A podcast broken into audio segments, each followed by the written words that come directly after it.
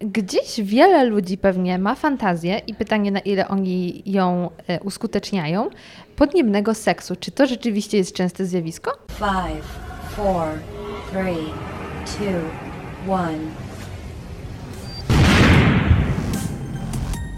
Podcast radioaktywny.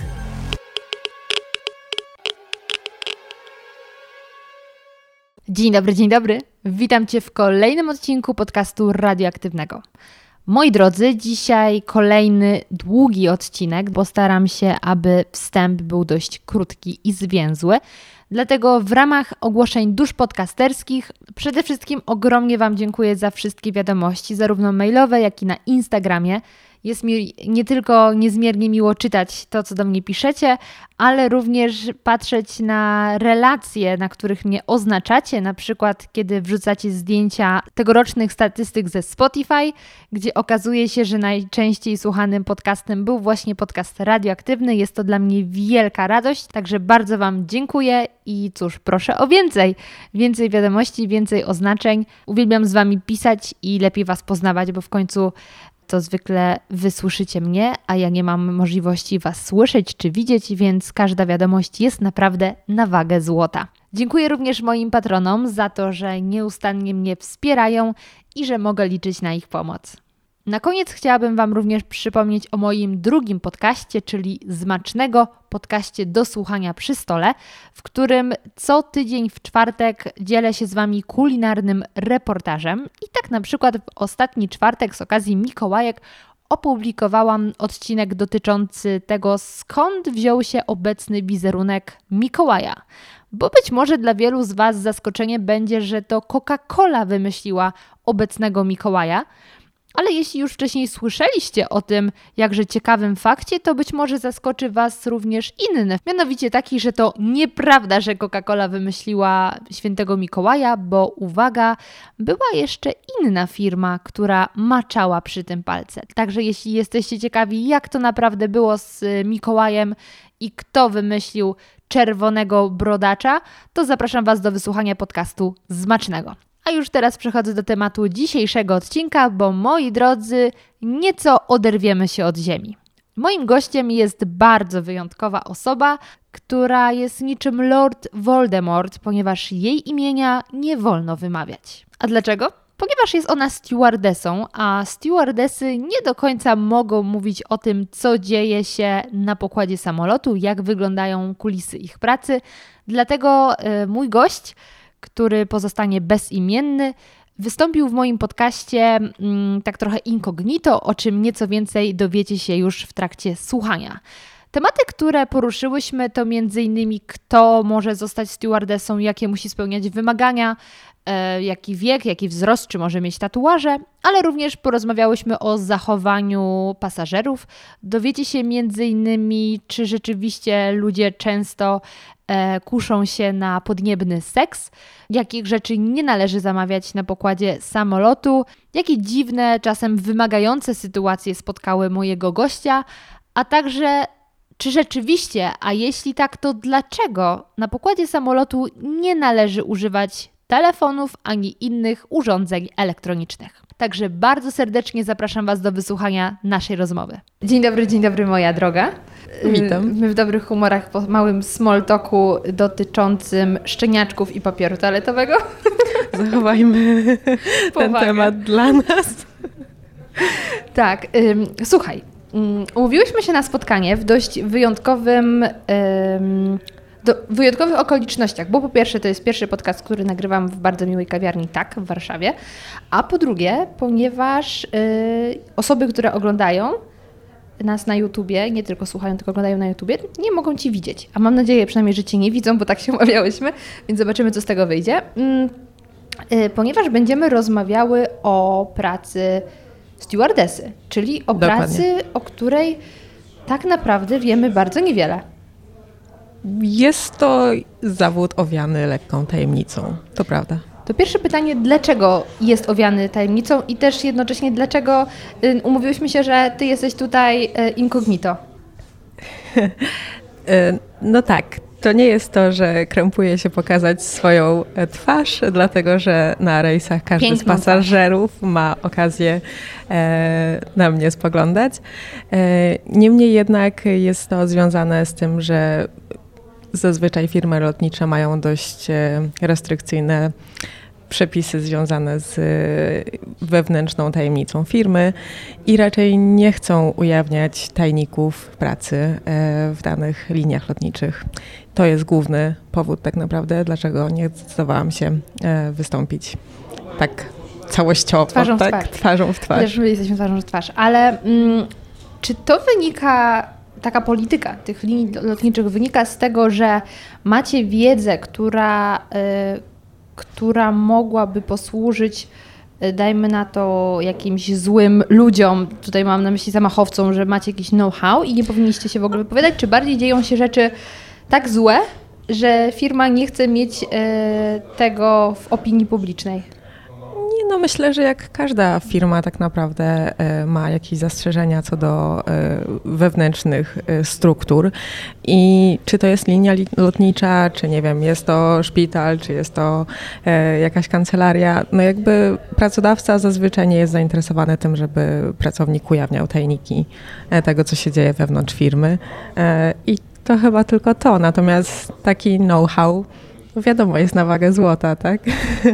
Dobrze, nie, dobrze pozytywnych rzeczy nie sprzedawać też e, innym liniom, a linia, w której ja akurat pracuję, e, może inaczej, nie mam zastrzeżeń do linii, w której e, pracuję jakichś większych. Zawsze są jakieś drobne w pracy, natomiast uważam, że z tego, co rozmawiam z osobami z różnych inni, innych linii lotniczych, to wszyscy podkreślają, że rzeczywiście z tego, co ja opowiadam, to u nas jest bardzo, bardzo przyjemnie. E, no to powiedz mi, od ilu lat, od jakiego czasu latasz? To już to śmieszne powiedzieć, ile latasz? E, I dlaczego się zdecydowałaś? Więc latam stosunkowo niedługo, e, bo jest to niecałe dwa lata. Zdecydowałam się na to, bo gdzieś tam zawsze tak naprawdę ciągnęło mnie do tego, żeby zobaczyć, jak wygląda takie e, życie na walizkach. E, I jest to pewien, pewnego rodzaju lifestyle. E, albo to się lubi, albo tego się nie lubi. Ja nie mam nic przeciwko, żeby tak naprawdę przemieszczać się za każdym razem z miejsca na miejsce i, i żyć w walizce de facto przez większość czasu. Natomiast jest to też praca, która daje możliwość e, mimo wszystko zwiedzenia e, wielu ciekawych miejsc. I wydaje mi się, że stwierdziłam, że skoro być może później mój urlop nie będzie aż tak obficie wykorzystany, to fajnie sobie zrobić przerwę e, w swojej karierze zawodowej i wykorzystać ten czas jeszcze na takie pełne oddanie się własnym przyjemnościom. Mhm. E, to e, takie pierwsze pytanie, które mi się pojawiło, to jest ile krajów odwiedziłaś? Czy robisz sobie jakieś takie zestawienie? Wiesz co, y, nie, nie zrobiłam sobie y, zestawienia tak naprawdę ile krajów. Y, mogę tylko jakby ogólnie powiedzieć, że jest to dużo. To powiem Ci całkiem spora liczba. Ale czy odwiedziłaś wszystkie kontynenty? Pomijając tam na dole, na dole Antarktyda. Tak. E, nie, czy nie. tam, nie. Tam mnie nie było. E, I nie, nie, nie, nie. Została mi Ameryka e, Południowa tak naprawdę. Południowa. Tak. tak. Czyli w Stanach byłaś. E, tak. I'm so jealous. no, uwielbiam Stany Zjednoczone. Nigdy nie byłam. Może dlatego uwielbiam. Zapraszam, zapraszam jakby Właśnie, czy na, wy macie, macie zniżki jakieś takie pracownicze? E, tak, mamy zniżki pracownicze i to nie wiem, czy jest jakaś super, e, szczerze powiedziawszy, tajemnica. Mamy zastrzeżone e, w umowie to, że nie możemy jakby mówić stawek, jakie mamy na nasze zniżki pracownicze. Natomiast e, tak, każda linia lotnicza ma zniżki dla pracowników. Może to też uściśle. A czy przyjaciele nie znam też może korzystać? Tak. Czy mogę się zapytać do swojej rodziny? ja mam wrażenie, że już jest takie, takie trochę sisterhood między nami, no, więc cudownie. możemy to podciągnąć. Cudownie, czyli Stany y, welcome to. Dobra. Y, kolejna rzecz, która myślę też interesuje słuchaczy, to ile miałaś lat, jak postanowiłaś fruwać? Czy jest jakaś granica wieku, kiedy możesz zostać stewardessą i od Wiesz- kiedy możesz zostać? Wiesz co, jakby utarło się, że jest to praca, do której zazwyczaj przychodzą młode osoby. Natomiast w naszej linii są też osoby, które latają y, znacznie jakby dłużej niż ich wczesna dwudziestka. E, Ale i zaczęły później, czy y, zaczynały, od dawna latają? zaczynały i wcześniej i później tak naprawdę, bo są też y, i co osobiście sama podziwiam. E, niektóre z moich koleżanek zaczęły dopiero latać, na przykład po urodzeniu już dwójki. Mam koleżankę, która rozpoczęła latać, która e, miała dwójkę szkrabów w domu tak naprawdę. Czyli to jest I- genialny sposób na to, żeby uciec od rodziny. Tak, tak, śmiałam się, że, że właśnie e, ucieka od swoich obowiązków. Natomiast wydaje mi się, że akurat w jej przypadku no, jestem pod dużym wrażeniem, jak potrafi godzić te dwie rzeczy. Nie wiem, jakby, jakie są jej plany dalsze, na ile e, planuje zostać e, w tej branży. E, natomiast no, też jest to fajny sposób na to, żeby zagospodarować sobie trochę barwniej swoje życie, także po tym, jak się już założyło rodzinę. Więc są też przypadki osób, które, nie wiem, zdały maturę, nie bardzo wiedziały, co ze sobą robić i postanowiły również, że zrobią sobie przerwę i zaczęły latać. Jedne zostają, inni odchodzą. Część osób y, u nas studiuje. So Jest tak naprawdę y, grono ludzi, którzy pokończyli najrozmaitsze kierunki studiów. O czym tak naprawdę tak się dużo nie mówi, bo mam wrażenie, że jakiś taki stereotyp, stereotyp jest taki, że no, stewardessa, no to jakby zbytnio inteligentna być nie Napra- może. Oj, to powiem Bo Ci, ja mam że- wrażenie. Że właśnie stewardesy są mega inteligentnymi osobami, nie tylko y, z wiedzy, no bo okej, one też, wiesz, muszą znać języki i tak dalej, chyba, że to jest tak, jest stereotyp, ale wymóg, taki jest wymóg. A po drugie, mają niesamowitą inteligencję emocjonalną. Przecież jak masz Januszy na pokładzie, to musisz mieć inteligencję emocjonalną, żeby to ogarnąć.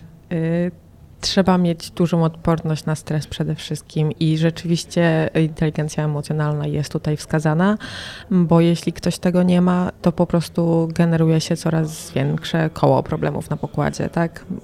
Bo rzeczywiście jest sporo pasażerów, którzy po prostu potrzebują troszkę większej Niani. uwagi. Potrzebują niani. tak. No nie chcę aż tak jakby obrażać naszych pasażerów, ale rzeczywiście y, można to tak żartobliwie ująć. Wiesz co, ja już tak w głowie sobie mm, tworzę plan, czy najpierw mam Cię wypytać o wszelkie y, przeciwwskazania i wskazania do tego, żeby być stewardessą, czy przejść do historii, ale chyba już skończymy na tych takich y, podstawach, czyli co może mieć stewardessa, a czego nie może mieć. I to, co mnie najbardziej zabolało, Okej. kiedy rok temu stwierdziłam, muszę uciec z tego świata w, podnie, w niebiosa. E, nie myślałam o samobójstwie, myślałam o tym, żeby zostać stewardessą i wtedy nagle BUM! Nie możesz mieć tatuaży w widocznych miejscach. I to było takie, dlaczego? Dlaczego ja rok wcześniej zrobiłam tatuaż z pingwinem na kostce? Ale wiesz co, jest. y, znaczy, nie możesz go mieć widocznego. Mhm. Natomiast są teraz kosmetyki, które w pełni kryją całościowo tatuaże i są u nas dziewczyny, które po prostu no, malują swoje można. tatuaże. Znaczy, Bo inaczej. ja czytałam w Emirates, że nie ma opcji, że nie możesz mieć ani żadnych plastrów, ani makijażu, nic. Może są bardziej restrykcyjni. U nas można, natomiast warunkiem jest to, że żeby rzeczywiście one nie były po prostu widoczne. E, I ja nieraz, e, jakby widząc moje koleżanki na pokładzie, byłam przekonana, że one nie są wytatuowane. Natomiast później, jak spotykałam je w życiu takim naszym już prywatnym, na jakichś spotkaniach, byłam bardzo, ale to bardzo zdziwiona, że mają super duże i widoczne tatuaże, których naprawdę na rejsie nie jestem w stanie dostrzec. O mój Boże, przywróciłaś mi nadzieję. Czyli, moi drodzy, to jest ostatni odcinek podcastu radioaktywnego. Zostaję stewardessą. Super. Znaczy, chyba też warto o, o tym pamiętać, że no jednak branża jest. Pomimo tego, że są ludzie starsi, których bardzo sobie cenię w, branży, bo są doświadczeni i rzeczywiście przekazują nam wiele ciężkich przypadków, tego jak można się zachowywać, ale jakby docelowo wydaje mi się, że jest to y, zawód, który kojarzy się z pracą dla młodej osoby po Mhm. prostu. A no nie wiem, w dzisiejszych czasach chyba coraz więcej młodych ludzi pozwala sobie na to, żeby zrobić sobie tatuaż, tak. więc y, dziwi mnie to, że niektóre linie mają być może aż tak restrykcyjną politykę, że nawet nie można zamalowywać tatuaży. Zwłaszcza, że naprawdę te kosmetyki są jakieś y, fenomenalne. Ja nie miałam zielonego pojęcia, że to może aż tak w 100% zakryć tatuaż i że jakby nawet ja nie zwrócę na to uwagi. Jakby mhm. gołym okiem tego po prostu nie widać, więc y, nie wiem, no może to jest też warte przedyskutowania w niektórej polityce innych linii, ale... No tak, bo są kultury, w których oczywiście tatuaż jest nie do przyjęcia, jest powiedzmy obraźliwy, no ale właśnie wtedy możesz zakryć. Bo ja myślę, że te y, kosmetyki to są chyba takie już y, do tworzenia make-upu na planach zdjęciowych, nie? To są takie tak, profesjonalne. Tak, tak, tak. To są już takie to taki, no nie wiem, takie sztajdy, taki dulux, tak? Po prostu wszystko ci zakryje naprawdę, że krew to jakaś reklama, ale, ale no na pewno y, jakby to pewnie jest jakimś obciążeniem dla skóry, bo to podejrzewam, no że zatyka wszystko. natomiast y, e, no tak, no, no, no, natomiast to jakby jest taka możliwość, tak? A zresztą e, ja znam dziewczyny akurat z Emirates, które mają tatuaże, natomiast mają je w takich miejscach, że na rozmowach kwalifikacyjnych mówią wprost, że nie mają tatuażu, po prostu. Sprytnie. No ja już sobie zrobiłam drugi tatuaż, więc nie wiem. Ale będę myśleć nad tym. Będę myśleć, bo, mm, bo chyba wiele ludzi szczególnie kobiet, bo o mężczyznach też myślę porozmawiamy, ale ma taką wizję, że kurczę, to jest taka cudowna praca, latasz tutaj, prawie jak modelka, tylko szczęśliwie e, nie musisz być wysoki, jeśli nie jesteś, nie? A to akurat prawda. Chociaż szczerze powiedziawszy, ja zawsze byłam przekonana, że stewardessa musi być wysoka, nie może mieć okularów, co na przykład y, było zaskoczeniem dla wielu e, moich koleżanek, które zaczynały pracę w tej branży, mhm. że jednak okulary e, w dzisiejszych czasach nie są przeciwwskazaniem do tego, żeby być stewardessą. Wow. I można je swobodnie nosić na pokładzie.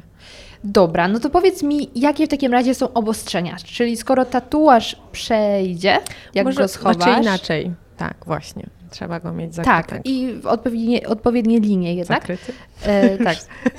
Okulary mogą być, więc co na pewno nie może być? Co nas dyskwalifikuje, żeby zostać stewardessą, stewardem? E, na pewno twoje różowe włosy.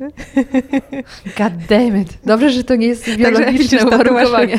Tatuaż nie jest tylko jedyną przeszkodą w twoim wypadku. Natomiast, e, no tak, jakby tendencją jest do tego, że akurat włosy powinny być w neutralnych kolorach, e, może w ten sposób. Mhm. E, długościowo do, dowolna, dowolna długość, tak? Tylko na rejsie po prostu, żeby były schludnie spięte. Koki, A można w ogóle kucyki. nie mieć włosów? Nie spotkałam stewardessy, która nie ma włosów. Są dziewczyny, które mają krótko ostrzyżone włosy, no, są mężczyźni, którzy mają krótko ostrzyżone włosy. I oni chyba nawet powinni mieć krótko, nie? Tak, ale są na przykład łysi mężczyźni, także no tak. jakby e, nie wiem, nie odpowiem Ci na to pytanie, bo ciężko e, mi jest Ci wypowiedzieć, ponieważ nie znam żadnej mhm. E, łysej koleżanki, która by po prostu była stewardessą. Natomiast wydawało, wydaje mi się, że to byłaby duża dyskryminacja, skoro mężczyzna może być łysy, to dlaczego kobieta nie może być łysa, tak? Właśnie, kurczę, no już kolejny wątek poruszasz, ale dobra, to ja y, do tego wątku wrócę. Zapamiętam sobie, co mam zapytać odnośnie Dobrze. dyskryminacji. Ale co jeszcze? co jeszcze? Ty mówiłaś takie obostrzenia, tak? Um... Wypunktuj mi, proszę.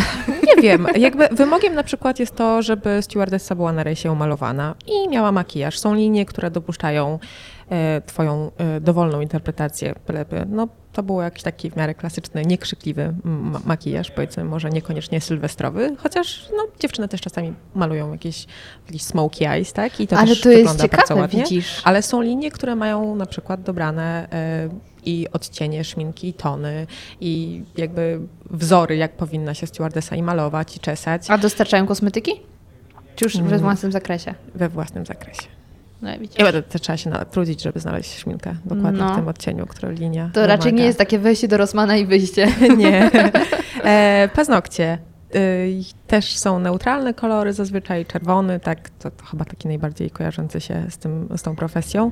E, I nie mogą być za długie. ale to wydaje mi się, że też podyktowane jest po prostu względami y, bezpieczeństwa bardziej I niż, higienie- niż higienicznymi. tak, higienicznymi. Dokładnie. Um, Ale to jeszcze... powiem Ci, że to jest ciekawe odnośnie makijażu, że właśnie jest obostrzenie, że wręcz musisz mieć. E, tak, Bo to jest totalne przeciwieństwo do modelki. Modelka, jak idzie na casting, nie może mieć. E, Zgadzam się z Tobą, natomiast tutaj rzeczywiście e, mamy nawet w naszych e, jakby dokumentach tak, e, takie, takie potwierdzenie, że, że o, makijaż jest obowiązkiem każdej ze stewardess. Mhm. No cóż, Na pewno, znaczy na pewno, aha właśnie, widzisz. Chciałam pójść do stroju, ale jak strój to też sylwetka. Czy są jakieś obostrzenia co do sylwetki? wiesz co, zastanawiałam się właśnie, czy to wypunktować. E, Są obostrzenia takie, żeby no, BMI było w, e, prawidłowe, tak? Aczkolwiek ja też znam dziewczyny, które y, no, nie mają jakby 36, nawet 38 rozmiaru i również latają i są to świetne stewardessy. I tak samo znam mężczyzn, którzy wcale nie mają jakiejś takiej e, baletowej figury. E, i są świetnymi, świetnymi kompanami na pokładzie, tak? Więc y, pamiętajmy o tym, że żeby być stewardessą trzeba też mieć trochę siły. Nie można być takim wiotkim i no, takim trochę mimozowatym, bo chociażby, nie wiem, kwestie, które są związane z bezpieczeństwem, jakby coś się stało, że jako stewardessa musi otworzyć drzwi, te drzwi wcale nie są takie leciutkie. e, to, że mamy wózki, które musimy wyjmować, tak, które wiadomo, każdy z pasażerów pewnie kojarzy, jak Tak, że dzisiaj wyjątkowo loteria i możecie wygrać wszystko i na przykład.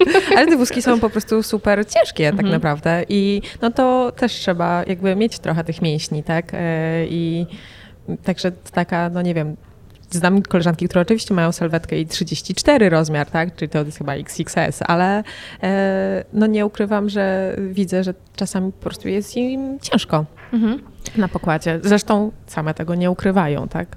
A powiedz mi, jak wygląda w takim razie sama aplikacja na stewardessę? Czy jest w ogóle coś takiego jak szkoła dla stewardess, tak jak był kiedyś film? Ja gdzieś widziałam ten film z Gwyneth Paltrow jest, e, jest, e, jest zabawny, jeszcze e, bardziej e, przyjemny z punktu widzenia jak się lata i się go ogląda.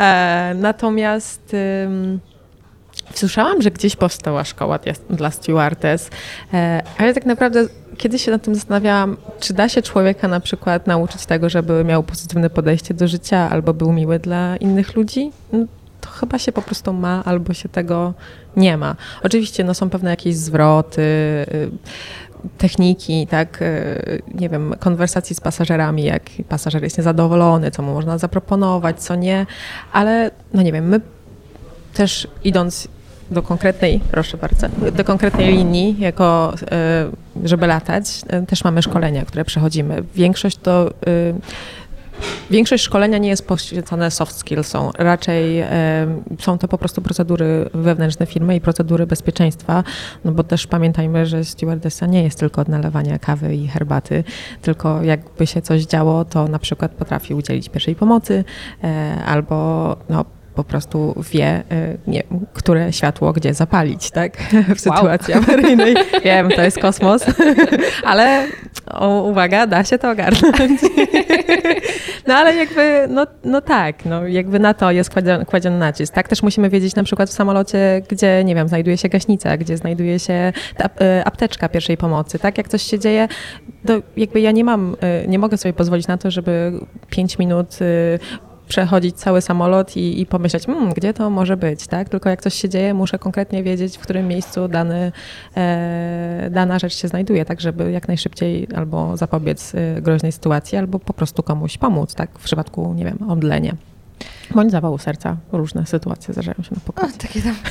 E, czyli ogólnie y, szkoły dla stewardess raczej nie ma. Jest jakaś. Nie słyszałam. Okej. Inaczej, nie znam też osoby, która by jakby Uczestniczyła. uczestniczyła w takim Wiesz, programie. to znowu ja pozwolę sobie nawiązać do modelek. Jest niby szkoła dla modelek, jedna agencja w Warszawie to robi, ale nie znam dziewczyny, która by w tej szkole była.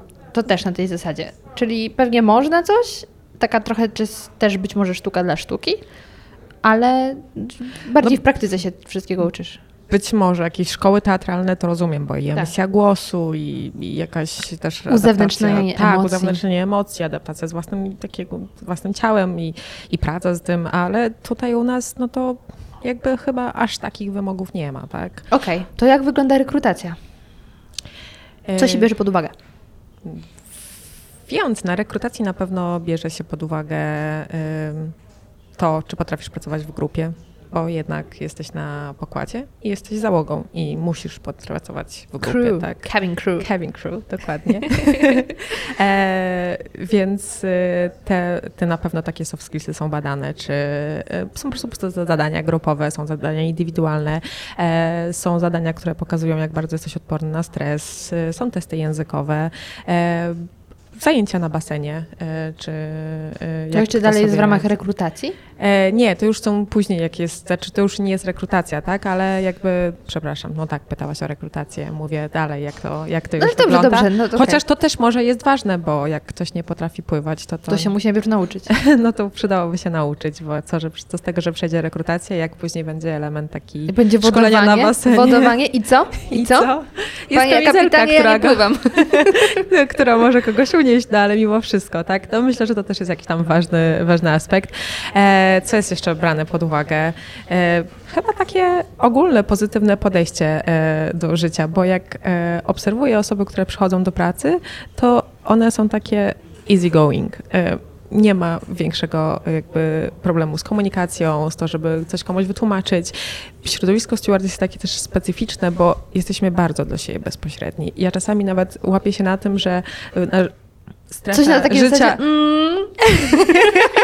tak, ale łapię się na tym na przykład, że na strefę życia osobistego czasami przenoszę dla, do moich znajomych pytania, których naturalnie bym ich nigdy po prostu nie zadała, ale no jak z dziewczynami jesteśmy zamknięte w jednej puszce i plotkujemy, to tam jakby nie ma ani tematów tabu, ani nie ma takich zahamowań, no tak, bo każdy czegoś... rejs może być ostatnim. może być. No, to prawda, e, ale jakby no jest ta bariera taka... Mm, nie wiem, e, Właściwie mam wrażenie, że czasami przychodzę na pokład i ze wszystkim, i mam wrażenie, że jakby znam tych ludzi od lat, a dopiero na przykład co ich poznaję, tak? Albo mamy dopiero, nie wiem, trzeci rejs ze sobą, ale tam się dzieje magia, tam jest taki konfesjonał po prostu. Dzieje magia. MTV Creeps. Ludzie, ludzie, się nie, ludzie się nie krępują po prostu opowiadać o jakichś swoich prywatnych sprawach i, i są tacy w tym szczerzy i jakby mnie to strasznie ujmuje na przykład, tak? Jakby jest to też pewnie psychologicznie potwierdzone, że łatwiej ci powiedzieć o swoim problemie komuś, kto nie jest aż tak blisko ciebie, tylko komuś trochę obcemu, a trochę jednak bliskiemu. E, no i tak, no więc jakby te osoby, które przychodzą też muszą y, jakby latać, to też muszą mieć trochę w tyle głowy, że hej, no mogę mieć niewygodne pytania zadawane, tak? E, I muszę się do tego jakoś ustosunkować. Raczej nie ma e, osób, które odpowiadają, nie, odczep się, tak? Albo, albo nie chcę o tym rozmawiać. Znaczy zdarza się, że ktoś powie, i słuchaj, mam gorszy dzień, no nie chcę o tym rozmawiać, tak? Ale też widzę, że osoby, które w ogóle też przychodzą na rekrutację, y, otwarcie opowiadają i opisują o tym, nie wiem, co czują, jak się teraz, y, jak teraz y, jak teraz wygląda ich życie, czego oczekują, o, co się, y, o czym się martwią, gdzie ja mam wrażenie, że w Polsce jak się po prostu pyta ludzi o dany, daną rzecz, dany problem, to oni są tacy, nie wiem, albo wszystko źle, ale, ale co jest źle? No nic, nieważne, nie chcę o tym mówić, tak? I Stara bida. Stara, dokładnie. Po staremu. Nic się chujowo. Przepraszam. Ale coś takiego. A tutaj to obserwuję, że ludzie po prostu potrafią nazwać... Yy, uczucia. Uczucia. I wow. Nie wiem, to jest coś, co bardzo mnie zaskoczyło, szczerze powiedziawszy, w tej, tej branży, bo myślałam, że raczej ludzie będą tacy zamknięci po prostu, jeśli chodzi A o ja uczucia. sobie bardziej Tylko tacy na pozór będą jakby mili, ale No ale właśnie, nie. ja sobie wyobrażałam takie um, nice beach, rozumiesz? Że jesteś taka tak. miła, ale z drugiej strony jesteś suką. Właśnie jakby rozumiem, o czym ty mówisz, bo na przykład to pokazuje film Szkoła Stewardess, tak? Że to tak wygląda, ale, ale jednak nie. I to jest na przykład duże zaskoczenie, ale też wielu rzeczy się nauczyłam w tej pracy. W sensie sama nauczyłam się jakby nie wiem, siebie określać, tak? Bo, bo wymóg jest taki, że jak już wszyscy opowiadają o, o danym temacie, no to ja też muszę y, jakby powiedzieć na ten temat. Nikt mi nie przymusza, ale no jakby po co sobie utrudniać lot, tak? Gdzie niektóre trwają, nie wiem, 12 godzin, to jednak mile jest o czymś porozmawiać, tak? Z koleżankami, z kolegami. I nie ma, aha, i jeszcze jest ważna rzecz, nie ma oceniania jakby fajne jest to, że wiele osób u mnie w branży, jak ja mam, nie wiem, no nie mówię, że ja mam czy, czy, problem, czy zły dzień, czy dobry, to rzeczywiście jest dużo osób, nie wiem, wymienia się informacjami. Słuchaj, możesz, nie wiem, zrobić to, zrobić tamto. O, lubisz, nie wiem, dany sport. Słuchaj, ja, ja znam jakiś fajny, nie wiem, basen, który jest gdzieś daleko od Warszawy, ale tam super można dojechać. Jakby wszyscy są tacy super pomocni. Jakby może nie wow. wiem, czy wszyscy, ale jakby ja przynajmniej spotykam takich ludzi, którzy naprawdę chcą się dzielić czymś pozytywnym dla siebie i robią to no, totalnie bezinteresownie. Ale Więc to jest wspaniałe, co mówisz. To jest super. I teraz zaczęłam się zastanawiać, czy jednak to jest praca dla mnie. Bo ja czasem miewam dni, że mam po prostu zły humor. I wtedy sobie myślę. Każdy takie miewa. Nie zbliżaj się do mnie, człowieku. Ja mogę, naprawdę z pozoru jestem bardzo miła, ale jak mam zły humor, to zabijam wzrokiem. I Wiesz, zastanawiam się, co w takiej sytuacji należy zrobić. Zadzwonić, dzień dobry, ja dzisiaj nie lecę, bo was rozwalę. Yy, oczywiście no, każdy ma możliwość zrezygnowania z rejsu. Nawet w danym momencie jest zresztą tak nawet u nas w regulaminie, że yy, no, jakby jeżeli nie czujesz się na siłach, żeby lecieć, nie wiem, są problemy, które za bardzo cię przytłaczają, to też wiadomo, że musisz być skupiona na rejsie. To nie jest tak, że możesz sobie myśleć o niebieskich migdałach i wszystko będzie dobrze, bo też no, stewardesa musi być wyczulona na wszystko, na różne dźwięki z samolotu, yy, na to, że ja na przykład zawsze obserwuję pasażerów i mniej więcej więcej sobie myślę, ok, z, z, tym będzie problem, z tym nie będzie, tutaj jest fajna rodzina z dziećmi, tutaj jest trochę mniej fajna, tutaj trzeba coś będzie zaradzić, tutaj może trzeba będzie się to dodatkowo zapytać. To jest ta inteligencja emocjonalna, o której mówiłam. Jest tyle rzeczy, że jeżeli ktoś czuje, że temu nie podoła, to radzę nie lecieć, bo pasażerowie też widzą, jak ktoś ma zły humor. To nie jest tak, że człowiek nie odczuwa tej negatywnej e, energii, w sensie ten drugi człowiek, mhm. czyli tutaj pasażer. Więc oczywiście zawsze można powiedzieć, że nie. Natomiast jest coś takiego magicznego w tej pracy, że nawet jak masz zły humor, to myślisz sobie, kurde, no mam taki zły humor, ale ale pójdę do tej pracy, na pewno dziewczyny mi pomogą, na pewno coś będzie pozytywnego. I znowu cabin crew. I znowu cabin crew tutaj przychodzi z pomocą, ale, ale rzeczywiście jest jakaś taka magia, zwłaszcza, że ja znam tak niesamowite przypadki osób, które latają, bo pasażer sobie myśli, że ona tylko, nie wiem, jakby trochę mam wrażenie, że jakby jestem takim robotem, tak, że niektórzy mnie tak postrzegają, że ja tutaj, nie wiem, jestem, jestem przypisana do tego samolotu, nie wiem, mieszkam tutaj, tak, i tyle, jakby nie jestem człowiekiem, jakieś takie e, odczło, odczłowieczona czasami się czuję, a, e, a jednak, nie wiem, są osoby, które dopiero co na przykład przeżyły śmierć swojego męża, którym dopiero co zmarł brat, którym miałam ostatnio kolegę na rejsie, któremu e, jakby jakby dwa dni przed wylotem z danego miejsca zmarł ojciec niespodziewanie. I te osoby wchodzą, jakby, no to jest, nie wiem, ktoś miał wypadek, tak, jakby tego jest naprawdę, y, mówię tutaj już o takich, nie wiem, super katastroficznych rzeczach, tak, no ale jednocześnie ludzkich. I te osoby potem wchodzą na pokład. I są w tej roli. I są w tej roli stewardesy i jestem przekonana, że nikt z pasażerów nawet nie ma zielonego pojęcia, co oni wewnątrz y, jakby czują, tak? Ale to też jest nasza taka rola, żeby te nasze negatywne emocje no, nie przelewać na, na osoby, które po prostu podróżują, bo ja też tam z drugiej strony, tak, od strony, ja to jestem zawsze taka, taka datliwa. Na rejsach to się potem, jak ludzie wchodzą, to mniej więcej statystycznie, nie wiem, wiem, gdzie kto potem leci, co leci, co robi, jestem taka gaduła, ale ludzie też, którzy lecą, y, mają, nie wiem, różne powody, tak, nie, to nie jest tak tylko, że rejs nam się kojarzy z wakacjami. Oczywiście. Ja mam wrażenie, że dużo osób tak odbiera, rejs to wakacje, tak. ale nie, tam są jakieś naprawdę ludzkie dramaty i to nie tylko się jakby stewardesy uzewnętrzniają, bo ja widzę, że pasażerowie też mają taką tendencję, że stewardesa to nie tylko niania, ale także psycholog, ktoś to wysłucha, ktoś to ale pomoże. Ale widzisz, to, to odpowiadasz od razu na moje pytanie, którego nie zadałam, bo ja nieraz mam ochotę, widzisz, ja sama jestem gadułą, ja lubię zagadywać ludzi. A tak wiesz, idę do kina, kupuję popcorn i zagaduję pani, a co tam dzisiaj dobrego, nie? Yy, I ja też niejednokrotnie miałam ochotę pogadać sobie ze stewardessą, zapytać, no co tam, co tam, nie? I tak dalej. Ale myślę, nie, pewnie nie można. Oczywiście, że można. Jakby są, wiadomo, że trzeba, jak na przykład, nie wiem, e, jest czas serwisu, kiedy każdy pasażer musi dostać papu i pićku. to, to jakby dobrze, dobrze by było, e, żeby każdy po prostu to dostał, ale nie zapominajmy, że nie wiem, na rejsach 12-godzinnych to nie jest to, że stewardessa stoi przez 12 godzin i sprzedaje i, perfumy. I sprzedaje perfumy albo, nie wiem, orzeszki rozdaje, tak?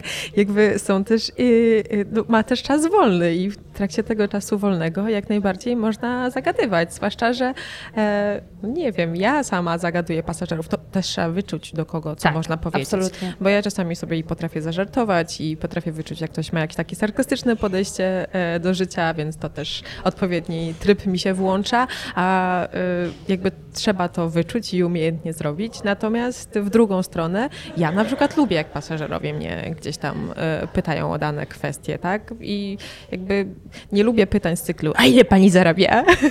Panie, dużo. Bo takie pytania też się zdarzają. E, I no, jakby w sumie nie wiem, co na ten temat powie powiedzieć. No, Pomówię, że po prostu to jest tajemnica, nie? tak, zawodowa i, e, i tyle. E, ale jak ktoś mnie pyta i o pracę, albo o spotkałam koleżankę, która, koleżankę, no teraz koleżankę mamy siebie na Facebooku, no to chyba poważna znajomość. A była pasażerką? Była pasażerką wow. e, i akurat e, wracała z danego państwa, które mnie interesowało e, i po prostu widziałam, że jest taka, no taka backpackerska, tak? I styl, i taki i outfit, i ten wielki plecak i wszystko. I myślę sobie, a zapytam się. I zaczęłam z nią rozmawiać. I po prostu pół podróży spędziłam na tym, że ona mi opowiadała i pokazywała zdjęcia ze swojej podróży, więc y, to Ale było... czad! Ja chyba na za krótkie super. rejsy latam. Raz leciałam do Hongkongu, to był dłuższy, ale wtedy sama byłam w tak złej kondycji psychicznej, że to nie, nie pogadamy z nikim. Ale zacznę zagadywać ludzi. Ale powiedz mi. To też jest kwestia tego, że na przykład ja jestem przyzwyczajona e, w pracy, że jakby mogę właśnie się uśmiechnąć do kogoś, zagadać i często tutaj, jak jestem w Polsce, próbuję to samo na ulicy albo w windzie.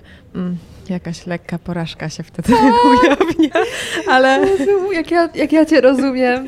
To dzisiaj, dzisiaj y, nie ukrywam, nagrywamy w Mikołajki, zresztą pod spodem mam świąteczną koszulkę Jasne. i jechałam metrem na nasze spotkanie i na nowej linii podjechała, e, podjechał pociąg, kolejka świąteczna. I ja, wiesz, zobaczyłam kolorowe wagony, gwiazdki, lampeczki i myślę, super, nie? I patrzę na reakcję ludzi dookoła, a wszyscy tako. Słuchaj, zero uśmiechu. I ja myślę, co jest z wami nie tak? Wiem. Gdzie ta dziecięca radość? Ja tutaj nie mogę wyjść z podziwu, że jest tak świątecznie, a oni smutni i stwierdzam, mm -mm, no tak nie może być. No, to prawda. Znaczy...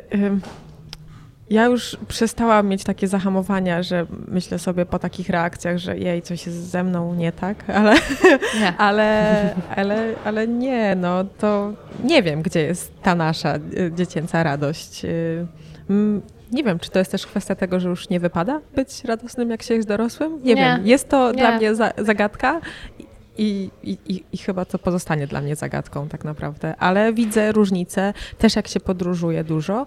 E, czy z pracy, czy też tak naprawdę mm, ja dużo podróżowałam wcześniej przed pracą, mhm. więc um, obserwuję różne kultury, y, różne jakieś, nie wiem, nawyki i są takie miejsca, w których, nie wiem, dotyk albo to, że ktoś do ciebie e, podejdzie i będzie od razu uśmiechnięty i praktycznie staje z tobą twarzą w twarz i rozmawia, jest to całkowicie kulturowo normalne. Mhm. I ja się już przyzwyczaiłam do tego, że jakby moja taka bariera, która kiedyś była, że Jezu, nie, tylko na metr, o daleko i w ogóle, Boże, ludzie mnie otaczają, nie patrzę. Jakby to, to zniknęło, ale kiedy sama to próbuję zrobić gdzieś, nawet jakby nieświadomie, tak? Jakby już się przyzwyczaiłam do takiego trybu też luźnego. No, no jest, nie wiem, chyba jestem postrzegana, nie wiem, jako creep po prostu. Ja lubię takich creep, spoko.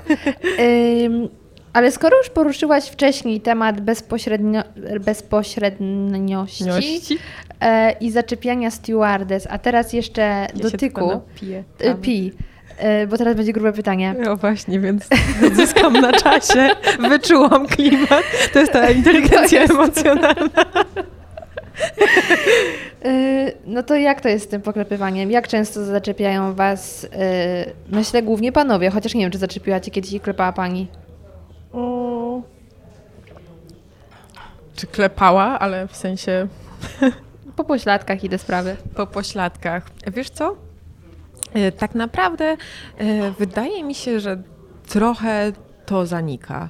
Jakby myślałam, że to będzie częstsze. Bardziej się zdarza, że tam e, ktoś nawet, nawet nie tyle co klepnie, tylko tak dziuga cię w pośladek, ale chyba nawet nie wie, że to What? robi w pośladek, tylko to jest jakby na linii takiego wyciągnięcia ręki i na przykład e, jeszcze cukier poproszę. I słyszy się taki, i, i, słyszy się taki głos, ale myślę, że to, to, to, to zarówno i panowie, i, i, panie są narażeni na, na takie rzeczy, bo jakby wiadomo, że... Bo każdemu może zabraknąć cukru. tak, to jest kluczowe do herbaty. Natomiast... E, natomiast jeśli chodzi o takie seksualne, intencjonalne e, dotyki, e, to chyba Chyba to rzeczywiście zanika. Zdarzyło mi się to może dwa razy, że ktoś tak, ale to chyba też nie było celowe. Jeżeli dzieją się takie sytuacje, to stewardesa bardzo szybko reaguje i ma na to przyzwolenie, żeby zareagować y, ostro. Nie mówię na to, że jakby, no nie wiem, może kogoś tam trzasnąć w twarz, tak, tak y, filmowo. Albo e, o, polać wodą? Polać wodą, natomiast y, może po prostu głośno wypowiedzieć, że sobie nie życzy takiej, takiego, mhm. takiego, do, takiego dotyku, takiej reakcji. I reakcja pasażerów dookoła jest bardzo pozytywna zazwyczaj w takich sytuacjach. E, więc e, też e, jest taka sytuacja, że no wiadomo, nie można dla pasażera być nie, niemiłym, tak? No, w ogóle generalnie dla ludzi nie można być niemiłym, ale jeżeli ktoś jest bardzo natarczywy, to ja słyszałam historię, że dziewczyny nachylały się nad takim pasażerem i szeptały do ucha to i owo. I, I to nie były miłe słówka. nie wiem, co szeptały. W każdym razie pasażer się uspokajał, bo no to też chodzi o to, żeby e, no, jakby je, ja to bardzo lubię, jak moja przyjaciółka y, powtarza zresztą y, po swoim ojcu, że na hama trzeba półtora hama. Mądre. I, I trochę tak jest. Trochę y, są pasażerowie, dla, do których taka spokojna reakcja może nie dotrzeć, ale no tak jak mówię, raczej, raczej ja mam grzecznych pasażerów. No nie zdarzyło mi się. Miałam koleżankę, która rzeczywiście kiedyś mi opowiadała na początku mojej kariery z, związanej z lotnictwem, że rzeczywiście był pan, który tylko też ją werbalnie bardzo niemiło traktował. Mm. No i ona się tak kiedyś właśnie nad nim nachyliła, powiedziała kilka słów. Ale wyobrażam I, i, sobie i pan... te słowa z uśmiechem dalej na twarzy. OS. tak, a pan przestał. Pan, pan, pan momentalnie przestał, tak? Należy też pamiętać, że no, jesteśmy załogą. Nawet jak się dzieją takie rzeczy, to zawsze e, druga koleżanka stanie w naszej obronie, jest jeszcze e, szef bądź szefowa pokładu, jest jeszcze w ostateczności pilot, tak, bo są takie procedury, że jak się pasażer nie uspokaja albo są z nim duże problemy, bo nie mówię tylko takie tutaj dotykowe, dokładnie, e, natomiast no też, nie wiem, może być pasażer w trakcie rejsu na przykład się troszkę za bardzo będzie delektował napojami alkoholowymi, mm. tak, i no niektórym się włącza jakiś agresor, e, więc no to też zawsze można zrobić międzylądowanie na koszt takiego pasażera. Nie polecam. E, natomiast no, jest ostateczność, ale jakby zazwyczaj jak y, raz miałam sytuację taką, że szefowa pokładu powiedziała, że wie pan, jak się pan zaraz jakby troszkę nie uspokoi, to, to jesteśmy uprawnieni do tego, żeby wylądować na najbliższym lotnisku na pana koszt e, i po pana przyjdą odpowiednie służby, a my dalej będziemy kontynuować podróż. Tylko... A to jest jakieś kilkanaście tysięcy, co?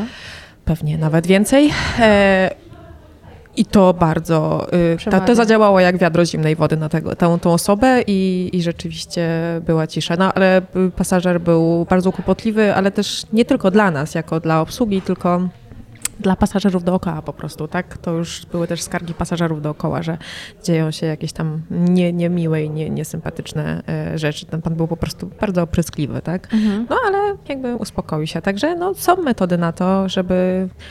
No półtora hama. No, albo hajs. hama, no. no, no albo, albo skakuj z hajsu maleńki. Dobra, słuchaj, no to powiedz mi, jakie najgorsze sytuacje dzieją się na pokładzie? Co, jaką najgorszą sytuację ty pamiętasz ze swojej e, przygody z tym? Najgorsze sytuacje to na pewno są sytuacje medyczne. Mm. Mm, bo to, że ktoś jest y, niemiły, to, że ktoś jest opryskliwy, y, też dużo osób Zauważyłam w branży, na przykład, nie wiem, mamy e, grono e, albo jakichś tam młodych ludzi, albo mężczyzn. Zdarzyły, zdarzyły, zdarzyli się mężczyźni, którzy nie wiem, lecieli na wieczór kawalerski, no to oni już go ja zaczynali. Chyba zazwyczaj na takich trafiam. No właśnie, to oni już zaczynali swoją imprezę w samolocie. Tak. I jakby ja nie widzę w tym nic złego, dopóki sytuacja nie wymyka się spod kontroli. Też wiadomo, że alkohol jest dla ludzi i tak naprawdę skoro y, jest dozwolone, żeby go i serwować, i sprzedawać na pokładach, to znaczy, że no nie zabraniamy tego pasażerom. Natomiast y, nie wiem, jak ja wchodzę w dobry nastrój z tymi osobami, które gdzieś lecą i kupują, widzę, że kupują może trochę za dużo niż powinny, bo też pamiętajmy, że no jakby w powietrzu ze względu na jej ciśnienie i warunki trochę łatwiej po prostu o to, żeby, żeby się wstawić. E, ale ja też, nie wiem, rozmawiam, śmieję się i mówię, słuchajcie panowie, no to tutaj, nie wiem, ostatnie teraz wino dla panów i trochę przestajemy, nie, dopóki nie wylądujecie, dalej bawcie się dobrze w, w podróży, ale na chwilę obecną, no to nie wiem, muszę wam odmówić, mówić, tak, mam nadzieję, że ta podróż i tak jest przyjemna i jakieś tam tego typu wstawki zawsze Bajerka. są pozytywne e, reakcje. Naprawdę, nigdy nie mam z tym problemu, bo niektórzy się tak bardzo spinają i mówią, nie, nie, już więcej państw, panów nie podajemy, a jakby no wszystko trzeba zrozumieć, natomiast no takie najgorsze sytuacje to są medyczne. E, miałam kiedyś panią, która e, przez całe półtorej godziny, ja z nią przeklęczałam na kolanach, bo, bo pani po prostu odpływała, tak? Nie wiedzieliśmy za bardzo też, co się dzieje, bo ciężko jest określić, no nie wiem, ja nie jestem lekarzem, ciężko nam jest określić, na pokładzie samolotu też nie było lekarza, no to ciężko nam określić, czy to, nie wiem, jest jakiś wylew, zawał, czy cokolwiek, czy silna reakcja stresowa, tak? E, pani po prostu cały czas jakby była w stanie takim, że mimo tego, że leżała, mam wrażenie, miałam miałam wrażenie, że ona co chwilę mdleje. Jakby była przytomna, ale w każdej sekundzie czułam, że po prostu ją tracę. E, udało nam się bezpiecznie dolecieć na lotnisko nasze docelowe, bo na panią czekał też tam mąż i jakby ona preferowała, żeby dolecieć, chociaż w międzyczasie była cały czas kontakt z pilotami, że lądujemy, nie lądujemy, lądujemy, nie lądujemy. Um, no w końcu na wyraźną prośbę tej pani y, poleciliśmy dalej po prostu. A długa to Natomiast podróż? Y, to nie była aż taka długa podróż, bo to był rejs półtora godziny. Okay. Natomiast od, tylko żeśmy wystartowali, no to ja siedziałam z e, butlą tlenową, z maską, ze wszystkimi możliwymi e, swoimi rzeczami. E, kocyk, poduszka, jakby trzeba było ją położyć w bufecie u nas z tyłu, tak, żeby, żeby jej nogi do góry wyciągnąć. No dramat, tak naprawdę dramat i przez półtorej godziny klęczenia z tą panią, tak? I ja się strasznie denerwowałam, że jakby może coś się dziać poważnego i jakby cały czas miałam takie myśli, czy to dobrze, że lecimy dalej, może powinniśmy lądować, może to pani potrzebuje y, lekarzy, może nie potrzebuje. W sumie ja nie wiem, co się dzieje. Boże, żeby ona nie umierała, tak? Nie na mojej zmianie. nie, nie na mojej zmianie, dokładnie. I no to jest takie najbardziej stresujące, tak? Tutaj akurat się sprawa jakby zakończyła dobrze, e, no ale to koleżanki opisywały, ja nie miałam przypadku, ale no, koleżanki opisywały, że i był zgon na pokładzie i, e, i też raz miałam też panią, która też wymagała no stop tlenu i tak naprawdę jej rodzina powiedziała, że oni dlatego lecą, bo one chcą umrzeć u siebie w kraju, więc jej stan był bardzo, bardzo ciężki. Tak naprawdę no nie wiadomo było, miała zgodę lekarza, żeby podróżować, ale też no nie wiadomo było, co się stanie w trakcie, też jak w trakcie zaczęła słabnąć, no no stres po prostu, tak? Więc mhm. to są chyba, y, to dla mnie są najgorsze wypadki, tak? Takie, takie medyczne, kiedy nie wiemy no po prostu, co się może dalej stać i taka trochę bezsilność, no bo jesteśmy zamknięci w jednej wielkiej puszce i jak się dzieje jakiś poważny przypadek, gdzie trzeba natychmiastowej pomocy lekarzy, tak, na pokładzie nie ma lekarza, to po prostu może być problem, tak? I to wszystko jest jakby na naszych barkach, więc wydaje mi się, że ja osobiście, jak dzieją się takie przypadki na pokładzie, wychodzę z tych rejsów najbardziej zmęczona, po prostu. No, mhm.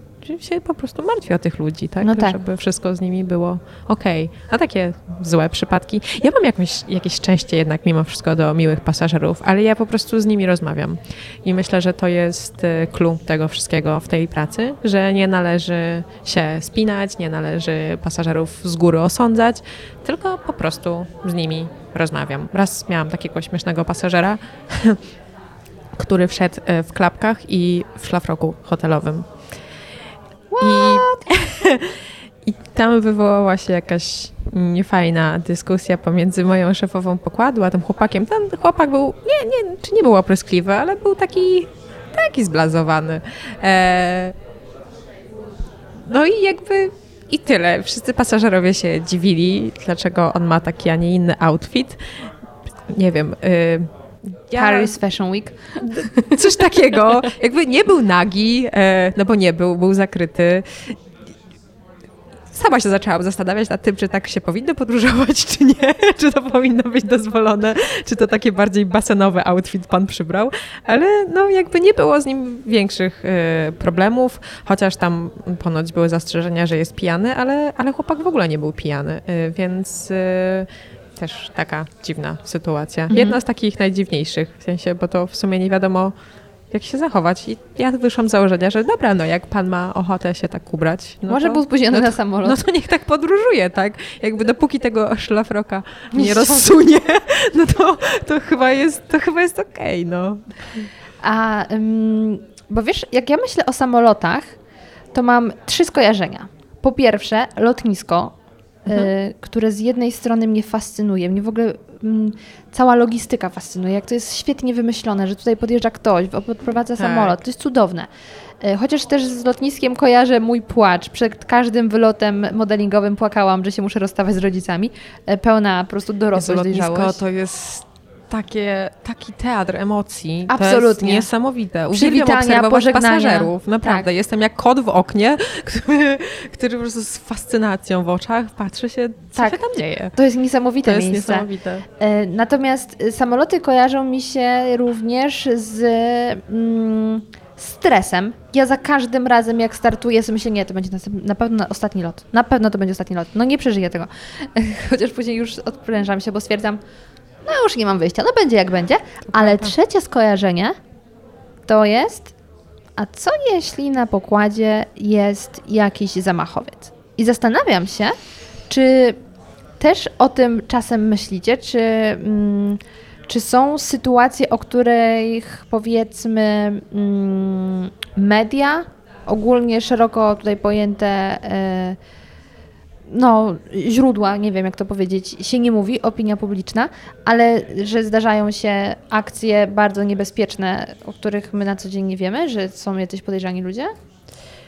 No, to są te wewnętrzne e, rzeczy firmy, o których firma raczej nie chce mówić, tak? Zarówno i o różnych usterkach, zarówno o tym, e, co się działo na pokładzie, kogo z tego pokładu wyprowadzono bądź nie dopuszczono do rejsu. Wiadomo, że jeżeli, jeżeli sytuacja nie zagrażała niczyjemu bezpieczeństwu, acz potencjalnie mogła, ale linia zrobiła wszystko, żeby nie zagrażała, to też opinia publiczna prawdopodobnie wykreuje sobie inną rzeczywistość niż jest, tak? E, no, ja powiem tak, odkąd zaczęłam latać, to boję się jeździć samochodem. bo mam wrażenie, że nigdzie nie jest tak bezpiecznie jak w powietrzu. Wow! Naprawdę. Y, ja dojeżdżając do pracy mam wrażenie, że mam o wiele więcej sytuacji stresowych i niebezpiecznych potencjalnie, niż jak już wsiądę do tego samolotu. Podróż dzisiejsza Uberem. Podróż dzisiejsza Uberem, chociażby. Naprawdę. No, to są tego typu sytuacje, tak? I jakby... No nie wiem, ja nie myślę o takich rzeczach. Czy jakbym, myślę, że gdybym się nad tym zastanawiała przed każdym rejsem, to to nie byłoby to też dobre dla mnie, tak? Jakby to, to ten stres w pracy był olbrzymi po prostu. Zawsze mamy tego świadomość wszyscy, że jakby to, że się wsiada do samolotu, to nie jest powiedziane, że z punktu A do B się doleci bez żadnych komplikacji, tak? I trzeba być przygotowanym na to, nie wiem, trzeba być wyspanym, trzeba e, być w miarę takim właśnie nieoderwanym myślami gdzieś tam, tylko trzeba być tu i teraz przytomnym na pokładzie, e, ale ale nie, raczej, raczej nie mamy. Raczej chyba włącza nam się, przynajmniej tak patrzę osobom, które latają, czarny humor z tym związany, tak? Więc taka naturalna reakcja obronna na stres, jak coś się dzieje, ale no co innego nam pozostanie, tak? Już jak wiemy, że samolot jest sprawny, wiemy, że piloci są w dobrej kondycji, wiemy, że załoga jest w dobrej kondycji, no to już za wszystkich nie możemy odpowiadać, tak? Jakby za wszystko, co się dzieje dookoła. No jakby na pewne rzeczy też nie ma wpływu, ale to tak jak w życiu, no na, nie na wszystko mamy wpływ, tak? Więc jakby już jak ten samolot wystartuje, to niech się dzieje wola nieba. Z nią się zawsze zgadzać trzeba. Dokładnie. Takim klasykiem pojechałyśmy, takie oczytane. um, a teraz no tak, no. przyszła no. mi do głowy taka myśl, bo z jednej strony, i najpierw o to Cię zapytam, Gdzieś wiele ludzi pewnie ma fantazję i pytanie, na ile oni ją e, uskuteczniają, podniebnego seksu. Czy to rzeczywiście jest częste zjawisko? Nie, nie, wiem, czy jest to częste zjawisko. E, kiedyś jedna z naszych e, starszych e, stażem koleżanek opowiadała, że no, jakby była świadkiem tego, że jedna z par weszła do toalety. Jak oni tam zmieścili? Jakoś tam, właśnie ja to też się zastanawiam, czy, czy to jest po prostu tak wygodne, tak? Bo oprócz tego, czy też tak to z higieną to trochę jest na bakier, mam wrażenie, ale to chyba jak w każdej toalecie publicznej, więc czy samolotowa, czy nie wiem, y, supermarketowa, to dla mnie jest jedno i to samo. Boże, wyobraź sobie jakiejś takiej Lidlowej toalecie. No właśnie, to, to chyba tak. No i rozumiem, że samolot jest takim miejscem. Natomiast no weszli i tak, no, jakby to był okres, kiedy wszyscy spali w samolocie, już było po serwisie, no i ta szefowa mówi, no to co mam im bronić? tak, no, przecież no, e, niech się bawią, wyszli zadowoleni, nic się nie stało. Mówi, dobra, tam niech, niech, niech sobie użyją dzieciaki, ale e, no, są linie e, też niektóre lotnicze, które dla osób przyłapanych na seksie w samolocie przewidują ban po prostu, czyli Co te osoby mówisz? nigdy nie mogą dalej latać tą, tą linią lotniczą. I ale ja... to jest pytanie, dlaczego? To się dzieje bardzo często w takich e, liniach e, no, arabskich, tak bym to Emirates tak wraca. ogólnie określiła. Mhm. E, nie chcąc wymieniać linii, ale rzeczywiście oni przewidują bardzo restrykcyjną politykę dla osób, które po prostu zachowają się nie tak, jak należy według ich wzorców moralnych na, w liniach lotniczych, tak? Wow. No.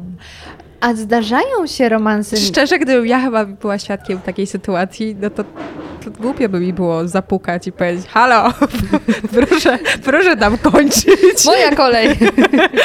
nie wiem. Udostępnijcie toaletę. Jakby inaczej, ja, ja, ja, czegoś takiego nie zaobserwowałam, tak? Ale też to my nie mamy tak, nie wiem, oczu dookoła głowy, no też nie kontrolujemy, kto wchodzi, kto nie wchodzi do tych toalet. Chociaż to wszystko jest też takie bardzo z drugiej strony widoczne. Ja nie wiem, na ile rzeczywiście ludzie e, e, chcą e, jakby się pokusić na to, żeby uprawiać seks w tej toalecie. Czyli może to jest takie bardziej jednak filmowe niż takie z rzeczywistością związane. Może. Bo znaczy, na pewno, na pewno są osoby, powszechne, które... nie? Tak, tak. Znaczy na pewno jakby są osoby, które no tak. to, to praktykowały. No, tylko moje obiekcje raczej są do tego, jakie to są warunki dookoła, mhm. ale jakby nie oceniam. No dreszczyk emocji zawsze jest. No oczywiście, że e, No właśnie, ale czy zdarzają się jakieś romanse na przykład pomiędzy stewardessami a pasażerami? Nie mówię teraz, że teraz stewardessa zaprasza kogoś na y, pięterko w cudzysłowie, tylko, że rzeczywiście nawiązują się jakieś takie znajomości podczas lotów, tak jak ty z koleżanką, że o, masz koleżankę. Tak, tak, tak. Ja mam dużo osób jakby poznałam bardzo dużo osób e, podczas mojej pracy, którzy są moimi facebookowymi znajomymi, którzy, do których piszę, do których, do których mam zaproszenie. Nie wiem, mam od pana 73 lata, który jest właścicielem olbrzymiej firmy, zaproszenie e, na obiad i powiedział, że jego żona i on będą zachwyceni, jak do nich przyjadę. Jeszcze tego nie upraktykowano, teraz pokazywał mi zdjęcia tego domu i widok jest po prostu taki, że jak tego nie wykorzystam, to chyba będę e, żałować do końca życia, tak, z ich domów, w sensie z ich posiadłości. Więc jest to bardzo miłe po prostu. Dobre Są miejsce do poznawania ludzi. Dobre miejsce do tego i jakby jest bardzo dużo związków stewardess y, i stewardów, tak, z pasażerami. To, to, jest naturalne, że w środowisku pracy po prostu się poznaje ludzi, tak, i e, to nie ma w tym nic dziwnego. To jakby, no, to tak jest, tak? Ktoś się komuś spodoba, nawiązuje się jakaś znajomość, to zazwyczaj e, pasażerowie zostawiają nam e, e, namiary, tak? Swoje, w sensie jakiś Facebook, telefon, rzeczy i to już w gestii naszej dalej, no jakby zależy od tego, czy chcemy nawiązać dalej znajomość, czy nie, no to albo się, nie wiem, no, Boże, gdzieś tam kontaktujemy, albo nie, tak? poznać się z kimś w chmurach. O, znaczy, ja nie jestem romantyczką, ale to nawet słodkie. No to nawet nie, no to nawet jest słodkie. Ja to się zawsze, jak jakaś koleżanka zwiąże z pasażerem, to mówię, słuchaj, ale on tak często lata, myślisz, że jesteś jedyną stewardessą, której. Ty niedobra. Ja to jestem znana z tego, że tam dogryzam koleżanką w taki słodki sposób i oczywiście żartobliwy, tak? Ale no jakby są takie przypadki, tak? I to jakby to jest chyba naturalne. Znaczy wydaje mi się, że tak samo jak ludzie wiążą się w innych pracach, e, to tak samo tutaj, no. Poznaje się tyle osób, czasem ktoś przypasuje, czasem nie, czasem pozostaje, nie wiem, tak jak w moim przypadku, słodka znajomość z tym panem, który ma 73 lata i od którego się mogłam tyle ciekawych rzeczy dowiedzieć, jak on zarządza firmą, jak to wygląda, jakim jest szefem. No niesamowicie w ogóle też inspirujący człowiek tak naprawdę, więc ja sobie bardzo cenię takie znajomości, takie no jakby szczere, tak? Dziewczyno, ja chyba naprawdę zaraz idę kupić te, tego y, Duluxa. Ale też y, jakby problemem w nawiązywaniu takich znajomości z pasażerami jest to, że oni często y, mieszkają daleko. mieszkają daleko od Polski. Jak no się wiesz. podróżuje, to wiadomo, można czasem się z nimi spotkać gdzieś i, i umówić, ale no, jest to no, utrudnione. Jakby. Jeżeli ktoś jest z Polski i e, przykład tutaj z Warszawy, no to, to jakby jest łatwiej. Natomiast jeśli ktoś jest e, na przykład z Australii, no to nie, niekoniecznie musi to wiązać się z tym, że można się z tą osobą zobaczyć tam, nie wiem, no, chociażby raz w miesiącu, tak? No tak. Hmm. Dobra, e, zastanawiam się, czy są jeszcze jakieś takie rzeczy związane z pokładem. Chyba mam jeszcze takie rzeczy, y, co się dzieją na pokładzie bezpośrednio. Dobra. Słucham, zamieniam się w słuch. Czego nie polecałabyś kupować w, przestrze- y, w tych podniebnych y, przestrzeniach?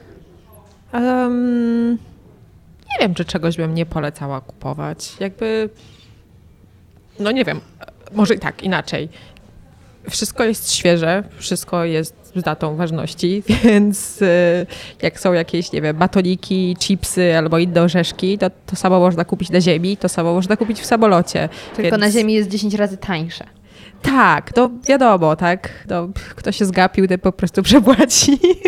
Ale e, na przykład warto pamiętać, że często takie dania, nie wiem, sałatki, jakieś kanapki, zupki, tego typu, że jeżeli ktoś. E, żeby sprawdzać na przykład ich skład czasami, tak, bo e, tam dodawane są jakieś, nie wiem, czy tam jakieś sody, czy jakieś konserwanty, nie wiem, nie znam się na tym tak naprawdę, no ale rzeczy, które na co dzień może nie każdy je, a no, jak zje taką... W kupisz to samo. No pewnie tak, pewnie tak, ale to, to, tylko takie jest moje zastrzeżenie, bo jakby to nie jest taka, to wiadomo, że żeby się świeżo utrzymały te produkty, to też się dodaje do nich jakieś tam określone składniki, ale tylko to, jakby chyba Chyba nie mam czegoś takiego, czego bym nie poleciła, tak? A czy ty latasz y, na rejsach, y, na przykład, gdzie są takie wyższe klasy i jest taki powiedzmy kucharz na pokładzie? Zdarzyło ci się? Nie. Są jakieś kuchnie, prawda? Na pokładach niektórych. Y, u nas nie ma kuchni. Znaczy w linii, w której ja latam, nie ma kuchni. Także w sumie no, to pytanie mogę Ci odpowiedzieć, że nie.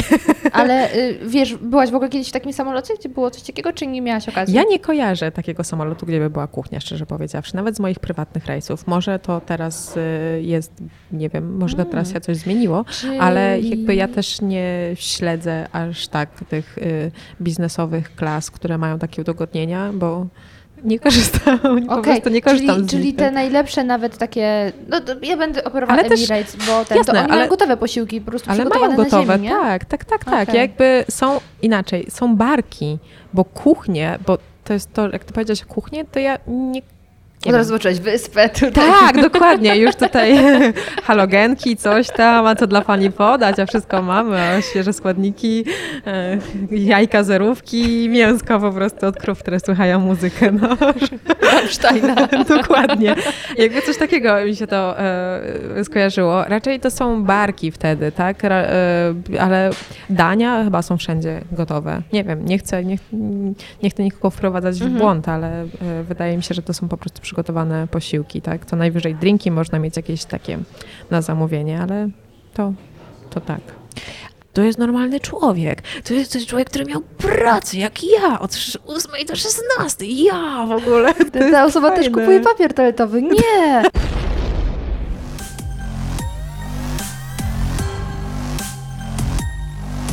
Podcast radioaktywny.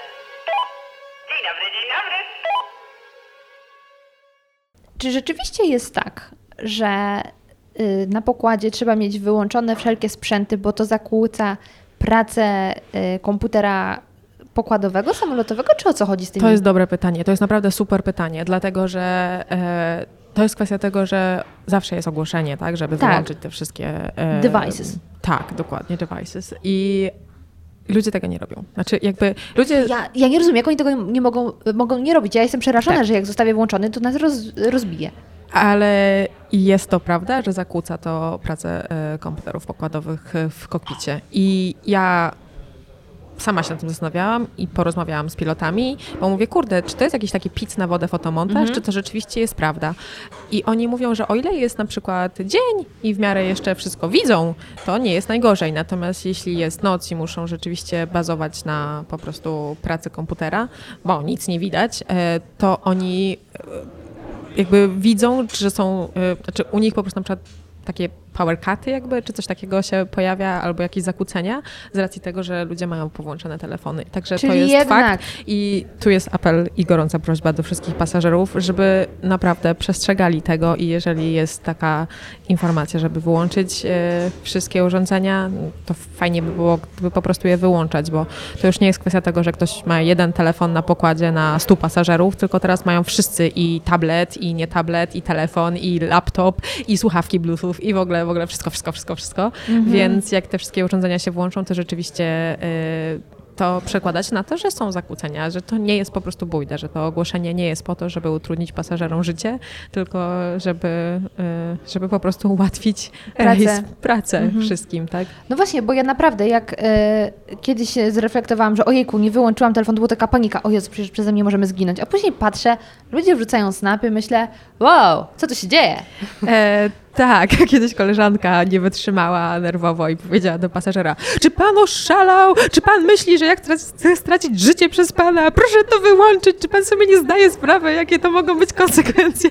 Pasażer był e, bardzo e, przerażony z tego, co opowiadała. Konsternacja na twarzy.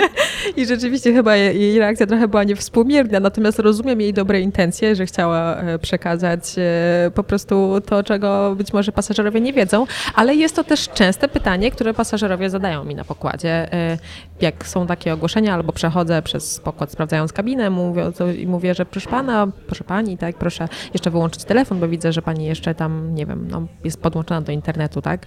E, charakterystyczne okienka Snapchatów albo innych różnych rzeczy się wyświetlają. I dźwięk więc... e, Messengera. Ding, ding, dokładnie, więc y, no i wtedy się mnie pytają, już mówią, już, już, już wyłączam, ja mówię, no ale nie, no proszę naprawdę przestrzegać tej procedury, to się, to, to po prostu się pytają, a, a, a naprawdę tak jest, a co się dzieje, a jak ktoś nie wyłączy? Tak, no, to, to, się, to się może dziać, może w ten, styl- ten, ten sposób, tak, że fajnie by było, gdyby po prostu przestrzegać takich zasad, bo to jest w interesie po prostu nas wszystkich, tak? O Jezu, teraz są taki chamski dowcip, ale to, no i nie. O, proszę, nie, nie. jakby... Nie, nie, to by mnie tutaj naród polski zabił. Idźmy dalej. A. You know. Em, A no, a łące.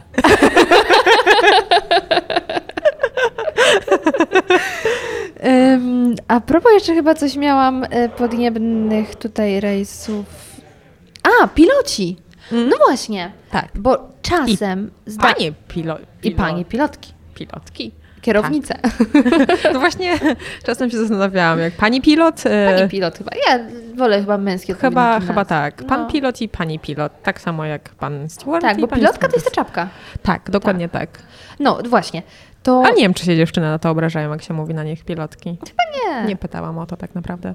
Chociaż w sumie nie wiem. No to widzisz, Co zapytaj. kto lubi. Zapytaj i daj mi znać. Dobra. Em, na ile wy możecie im przeszkadzać w czasie lotu? To znaczy, czy oni non-stop, przydało się teraz pogadać z pilotem, ale i pilotkami, y, czy oni non-stop muszą być turbo skupieni i trzymać ten ster? Chciałam powiedzieć joystick, ster. E... Czy możecie do nich wchodzić, zagadywać coś Nie, tam? no może, ma, mało tego, na dłuższych rejsach tak naprawdę to jest bardzo wskazane, żeby do nich zaglądać i czasami nawet sami proszą o to, żeby słuchajcie dziewczyny, tam wiecie, zajrzyjcie czasem, czy, czy, czy, nam się nie przyśni trochę coś innego, tak?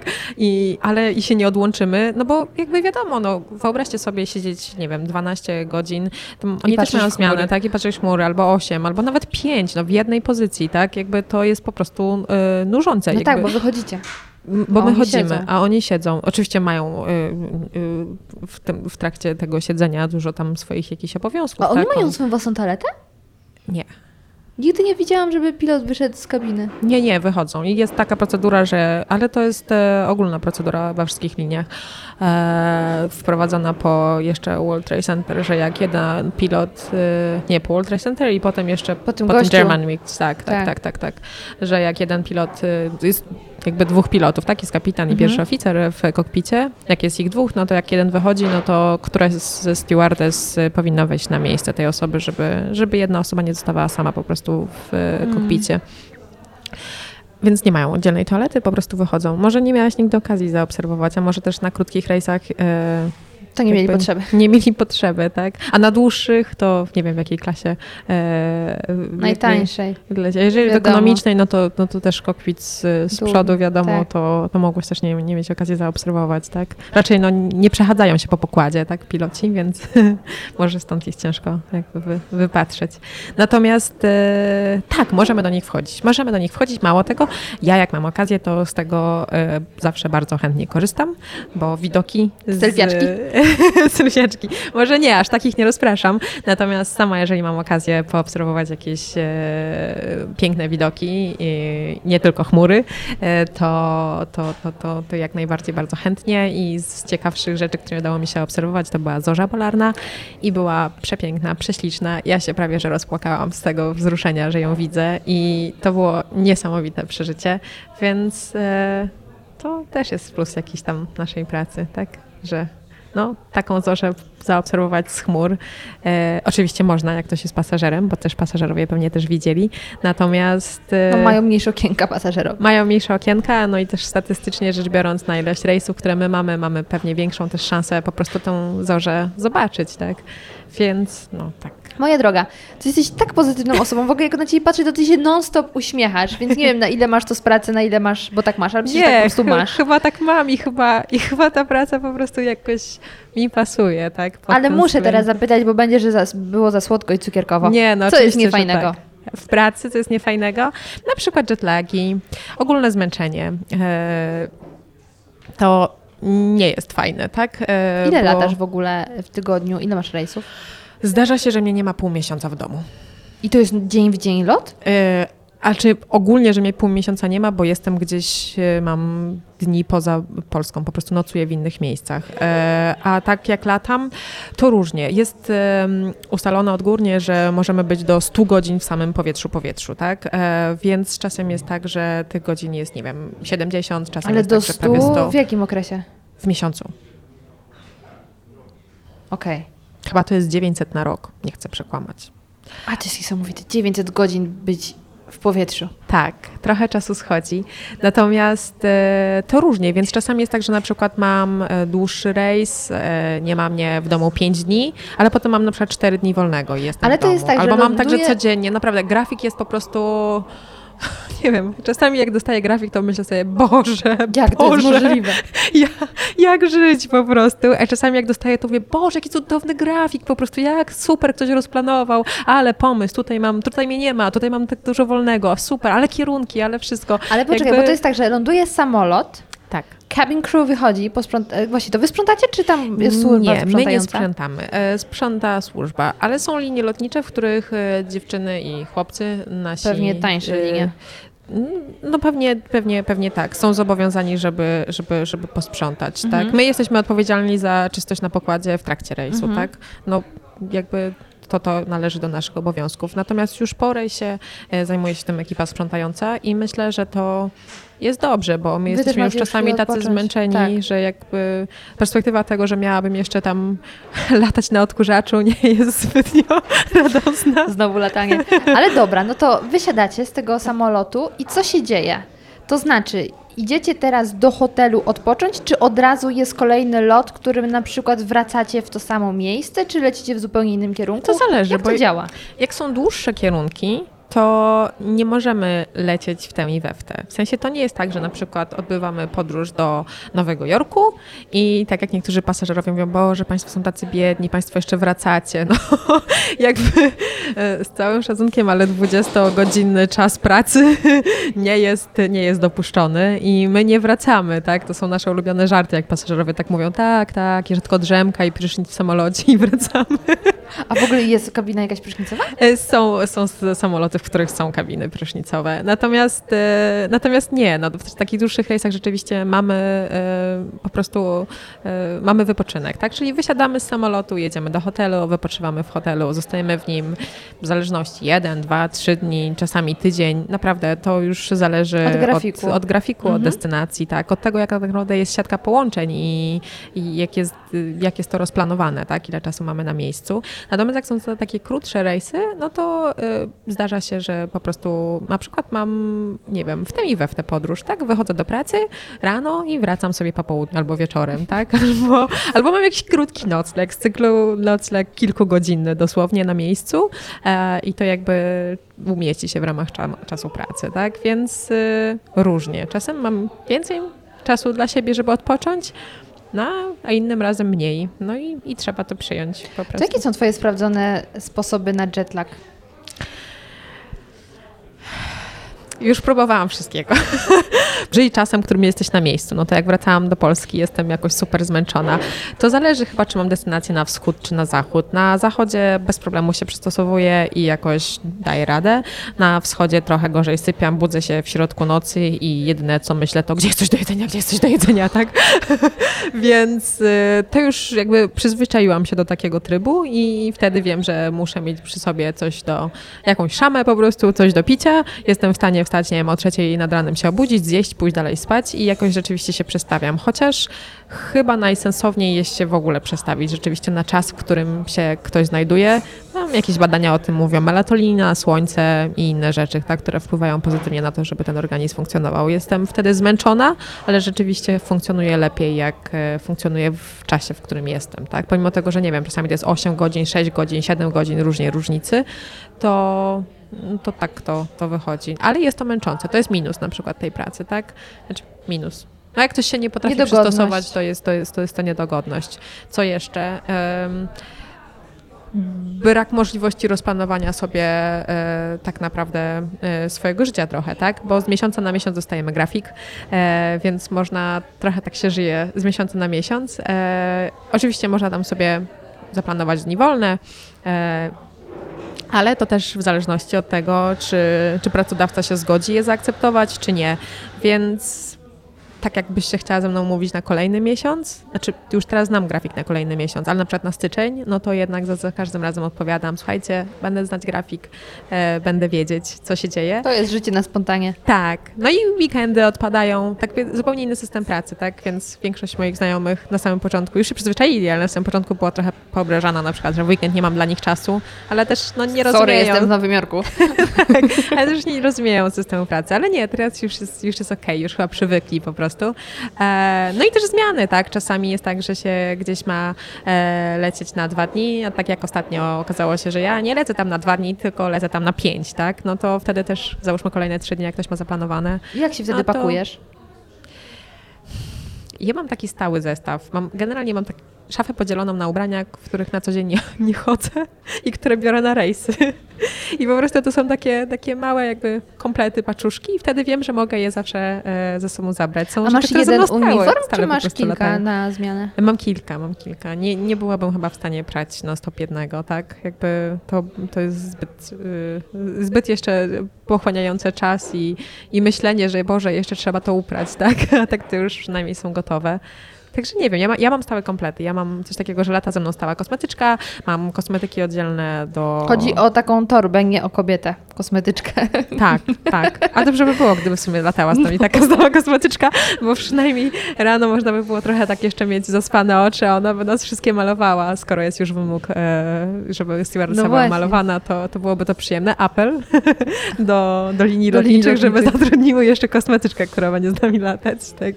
No, także nie wiem, no ja mam po prostu stałe, stałe komplety i stałą kosmetyczkę, także tak się pakuje, tak jakby mam... E, Czasami są dyżury, z których nie wiadomo, gdzie się poleci, tak? Więc to jest taki trochę na chybił trafił, więc można gdzieś polecieć, gdzie jest super ciepło, a gdzieś, gdzie jest super zimno. Więc ta torba jest tak trochę pół na pół, tak? W razie czego, jak coś będzie potrzeba, no to też no już bez przesady, tak? Jakoś, jakoś zarabiamy na tyle, żeby móc sobie pozwolić coś kupić, jak, jak zabraknie na wyjeździe. To dobrze. To A dobrze. powiedz mi, na miejscu macie hotele czy mieszkania? Hotele. Hotele i są to pokoje jednoosobowe. Super. Bo kiedyś się ktoś mnie zapytał, czy mieszkamy tak grupowo. Nie mieszkamy, aczkolwiek no, integracje się zdarzają, tak? W hotelu. A właśnie, jak dobrze, że tego sama przeszłaś. E, czy zdarza się, że stewardesy piją alkohol na pokładzie? Nie, no nie, to tak się nie zdarza. Znaczy alkohol, picie alkoholu na pokładzie jest zabronione, tak? I za to można y, stracić pracę po prostu. A zdarza I się, że latają na dużym kacu? E, trzeba pamiętać, że u nas zawsze jest możliwość kontroli przed lotem e, alkomatem. What? E, Więc Okej. jakby y, wszyscy o tym wiedzą i nikt chyba nie ryzykuje, żeby przyjść do pracy na kacu. No.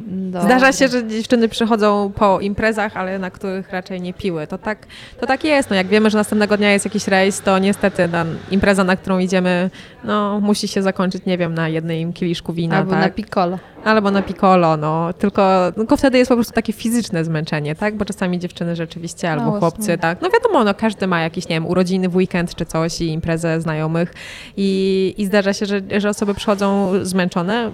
Tutaj trzeba doprecyzować, że nie przemęczone, tylko po prostu trochę niedospane, tak? Mhm. Z tego tytułu, że zarwały na przykład noc. No ale jakby no to jest naturalne, ale mm, no nie, nie przychodzą na kacu, ani, ani, ani nie pijemy na e, alkoholu na pokładzie. A szkoda, a Oj, szkoda. przydałoby się czasem na rozluźnienie. Nie, no ale to wiadomo, no trzeba być też przytomnym, tak? No nikt sobie też nie No tak, może... Bo jeśli nagle masz wypadek, no to wy ma- jesteście za to odpowiedzialny, żeby ratować. No właśnie, sytuację. więc no to po prostu się y, no, zwyczajnie wyklucza. Zwłaszcza, że no nie wiem, są jakieś badania, które wskazują, że alkohol obniża zdolność tam No, reakcji, koncentracji, więc no Racjonalnego też, myślenia. no właśnie.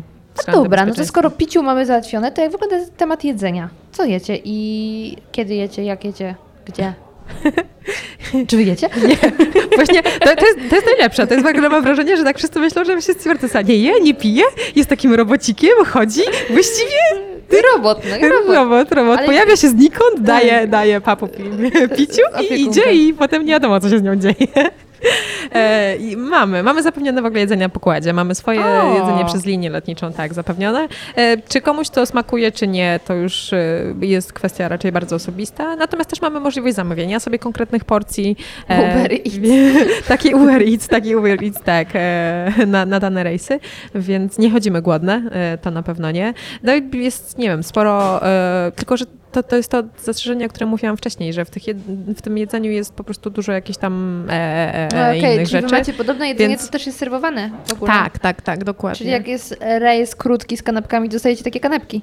Możemy dostać kanapki, możemy dostać jakąś sałatkę, możemy sobie zamówić naleśniczki, mogą być jakieś inne pierdoły, tak? Ale no, trzeba o tym pamiętać, że Naleśniki po to prostu... ty szanuj.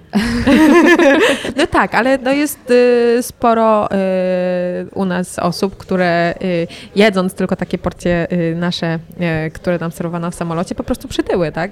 I, e, i to chyba nie jest jakaś taka tajemnica, no ale to wiadomo, jak ktoś się stara jeść zdrowo, a potem wcina rzeczy, które są smaczne oczywiście No, i muszą być. tak, i, i pewnie pełnowartościowe i wszystko, no ale jednak y, doprawione różnymi tam sztucznymi Ładnie substancjami. powiedziałaś, doprawione.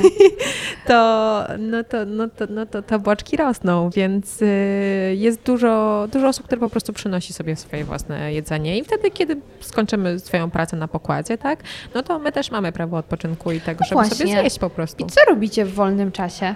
Oglądacie jakieś filmy, czytacie książki, gadacie tylko? A, Bo ile można tak. gadać? No, właśnie to jest niesamowite, ale ja mam wrażenie, że dużo.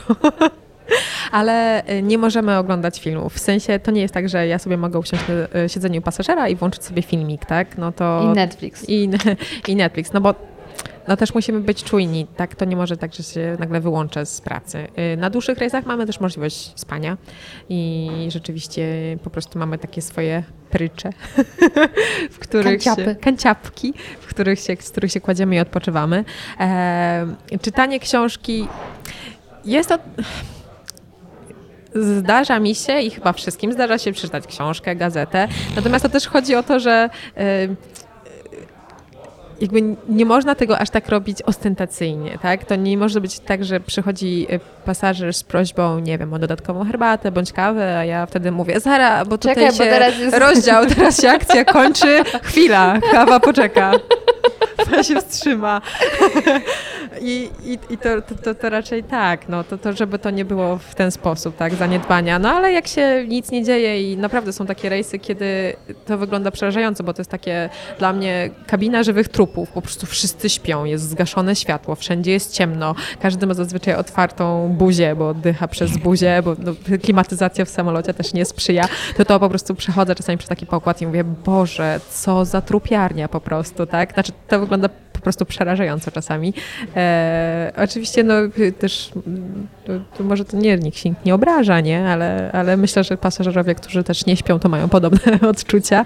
E, natomiast no to wtedy, jak wszyscy śpią, no to znaczy, chyba nie ma nic w tym złego, że coś przeczytać, zwłaszcza, że to chyba dobrze wiedzieć, co się, nie wiem, dzieje na świecie, albo przeczytać jakąś wartościową książkę, albo, albo po prostu rozmawiamy, tak? No, albo czasem są takie rzeczy, że ktoś siada i mówi, Boże, ile bym dała za to, żeby się teraz zdrzemnąć, jestem taka padnięta, tak? Usiądę sobie, odpocznę po prostu, więc no, no co można robić? Ma się tyle wolnego czasu, coś tam się zawsze wykombinuje. Ale no nie będę ukrywać, że najczęściej to są, to, to, to są po prostu rozmowy, tak? Bo już jesteśmy tacy zmęczeni. Też to nie jest tak, że każdy ma e, łatwość w koncentracji w czytaniu w samolocie, Mhm. bo szum, bo ciśnienie, bo wszystko jedyne o czym marzy po takiej marzy się o czym po takiej pracy, to po prostu odpocząć, tak? Albo, albo chwilę porozmawiać. Albo, nie wiem, opowiedzieć, że oj, słuchajcie, tutaj była taka ciężka sytuacja, e, no nie wiem, czy ja dobrze zareagowałam, może mogłabym inaczej coś zrobić, bo też są wymiany doświadczeń. Albo się idzie do kokpitu, podziwiać widoki, zobaczyć, co słychać, tak? Przemieszczamy się, nie wiem, z przodu do tyłu, rozmawiamy wszystko się dzieje tak naprawdę, tak? Ja też mam taką politykę, że jak sama jestem na tych dłuższych rejsach, to, to jednak czasem przechodzę się przez tą kabinę, znaczy czasem no po prostu się przechadzam i, i sprawdzam, czy wszystko w ogóle z pasażerami jest ok, tak? Czy Bo- oddychają? czy oddychają, bo, no, bo, no bo też warto to na to zerknąć, nie? Czasem jest ktoś, kto tam nieśmiało podniesie rękę i mówi, a czy mogę jednak wody, no i tak mówię, Boże, taki ściśnięty jak taka sardynka, tak? Dwie osoby obok śpią, on nie ma jak wyjść, no to przecież co, no przyniosę takiej zbłąkanej duszy z wody. A powiedz mi, ile liczy ekipa pokładowa e, osób i czy jest na przykład obostrzenie, że musi być przynajmniej jeden steward? E, Nie, takiego obostrzenia to akurat nie ma. Jest bardzo miło, jak jest jeden mężczyzna na pokładzie i w ogóle jest miło, jak jest Rodzynek. rodzynek taki, jak jest urozmaicenie po prostu.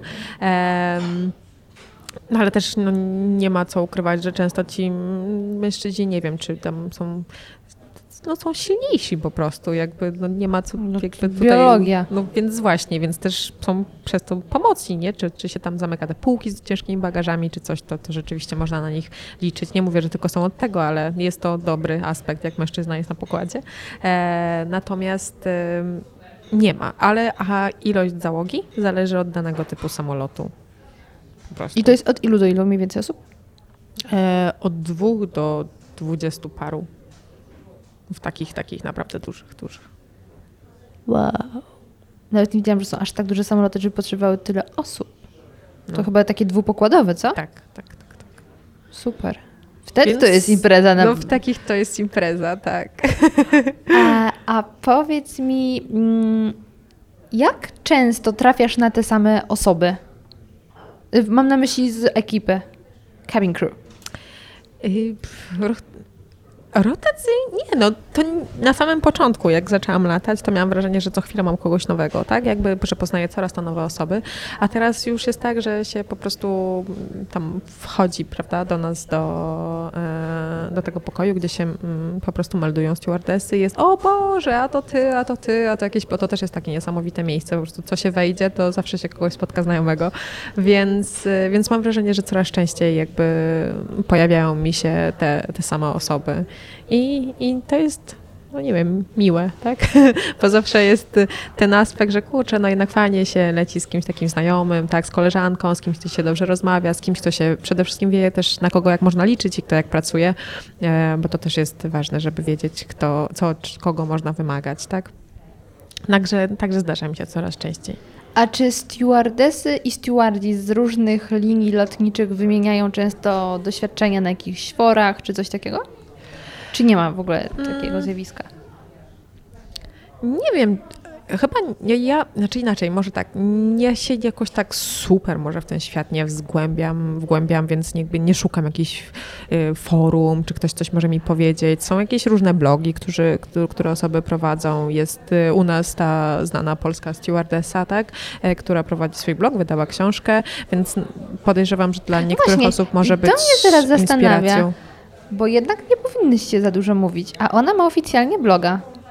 Jak myślisz, jak to przeszło? Wiesz co, e, ja nie wiem jakie e, i nie chcę się wypowiadać, czy ona ma przyzwolenie danych linii, o których pisze, jakie e, być może miała z tego negatywne konsekwencje, może, może żadnych nie miała konsekwencji, może linie wychodzą z założenia, że to jest dobry dla nich PR.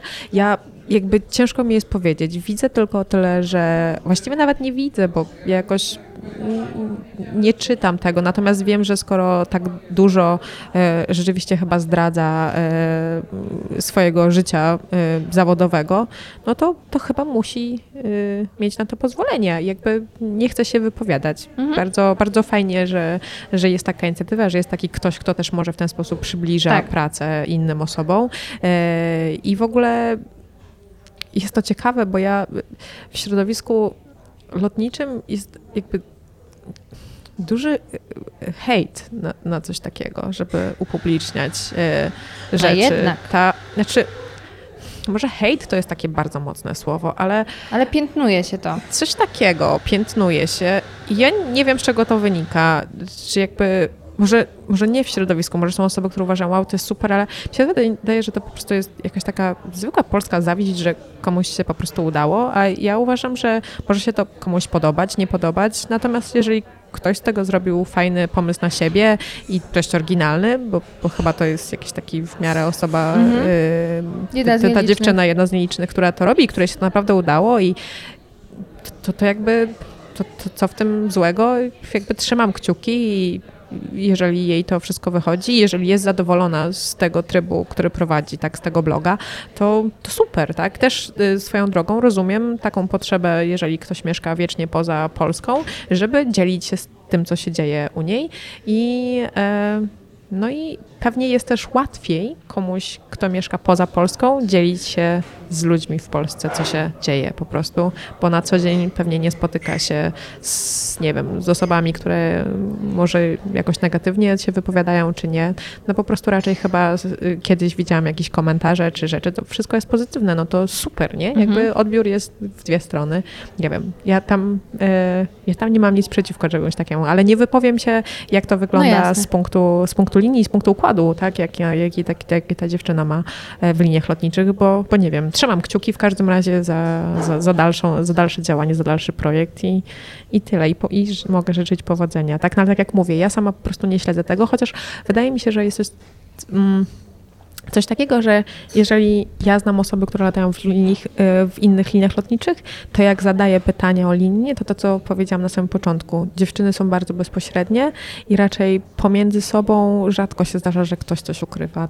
Stąd ja też mam ogląd, co się dzieje w różnych innych liniach, tak? No to powiedz mi, bo teraz w mediach co chwilę pojawiają się doniesienia o przeróżnych liniach e, zagranicznych, krajowych, przeróżnych. Tak, I że tak. ciągle- To jest jakiś taki boom w ogóle na to, mam wrażenie. Że, mam wrażenie, że inaczej, że tego po prostu jest więcej w mediach niż było kiedyś. No właśnie, jaka jest y, w ogóle mm, atmosfera takiego e, komfortu pracy, warunków wśród stewardess rzeczywiście?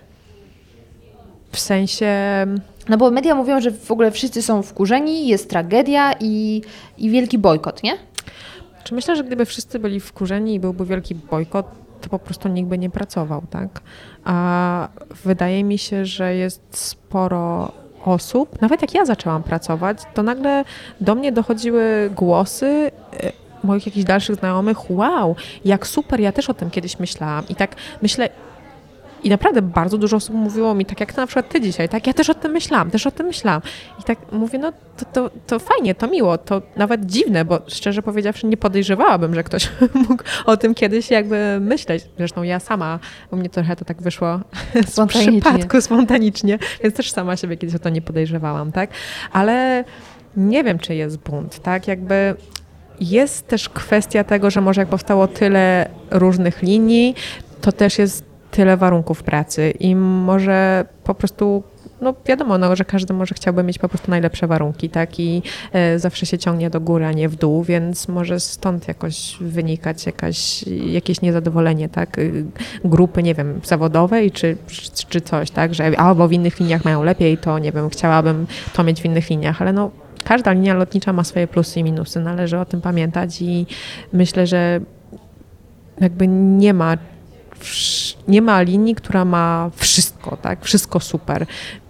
Zawsze trzeba się liczyć z tym, że jak się, nie wiem, pracuje dla linii zagranicznej, to trzeba się wyprowadzić z kraju. To, że są większe zarobki, to się wiąże też z tym, że musisz na przykład zapłacić za mieszkanie, to, że masz wyższe ceny w danym miejscu, więc tak jak niektórzy sobie porównują, że a tam gdzieś więcej można zarobić, tu mniej, to jakby trzeba mieć ogląd na całą sytuację, bo ja też takie rzeczy słyszałam, tak, że że gdzieś tam to zazwyczaj się przewija taki aspekt finansowy po prostu, tak? E, Ale no ale co, no każdy, każdy też decyduje, gdzie chce latać, co chce ro- robić.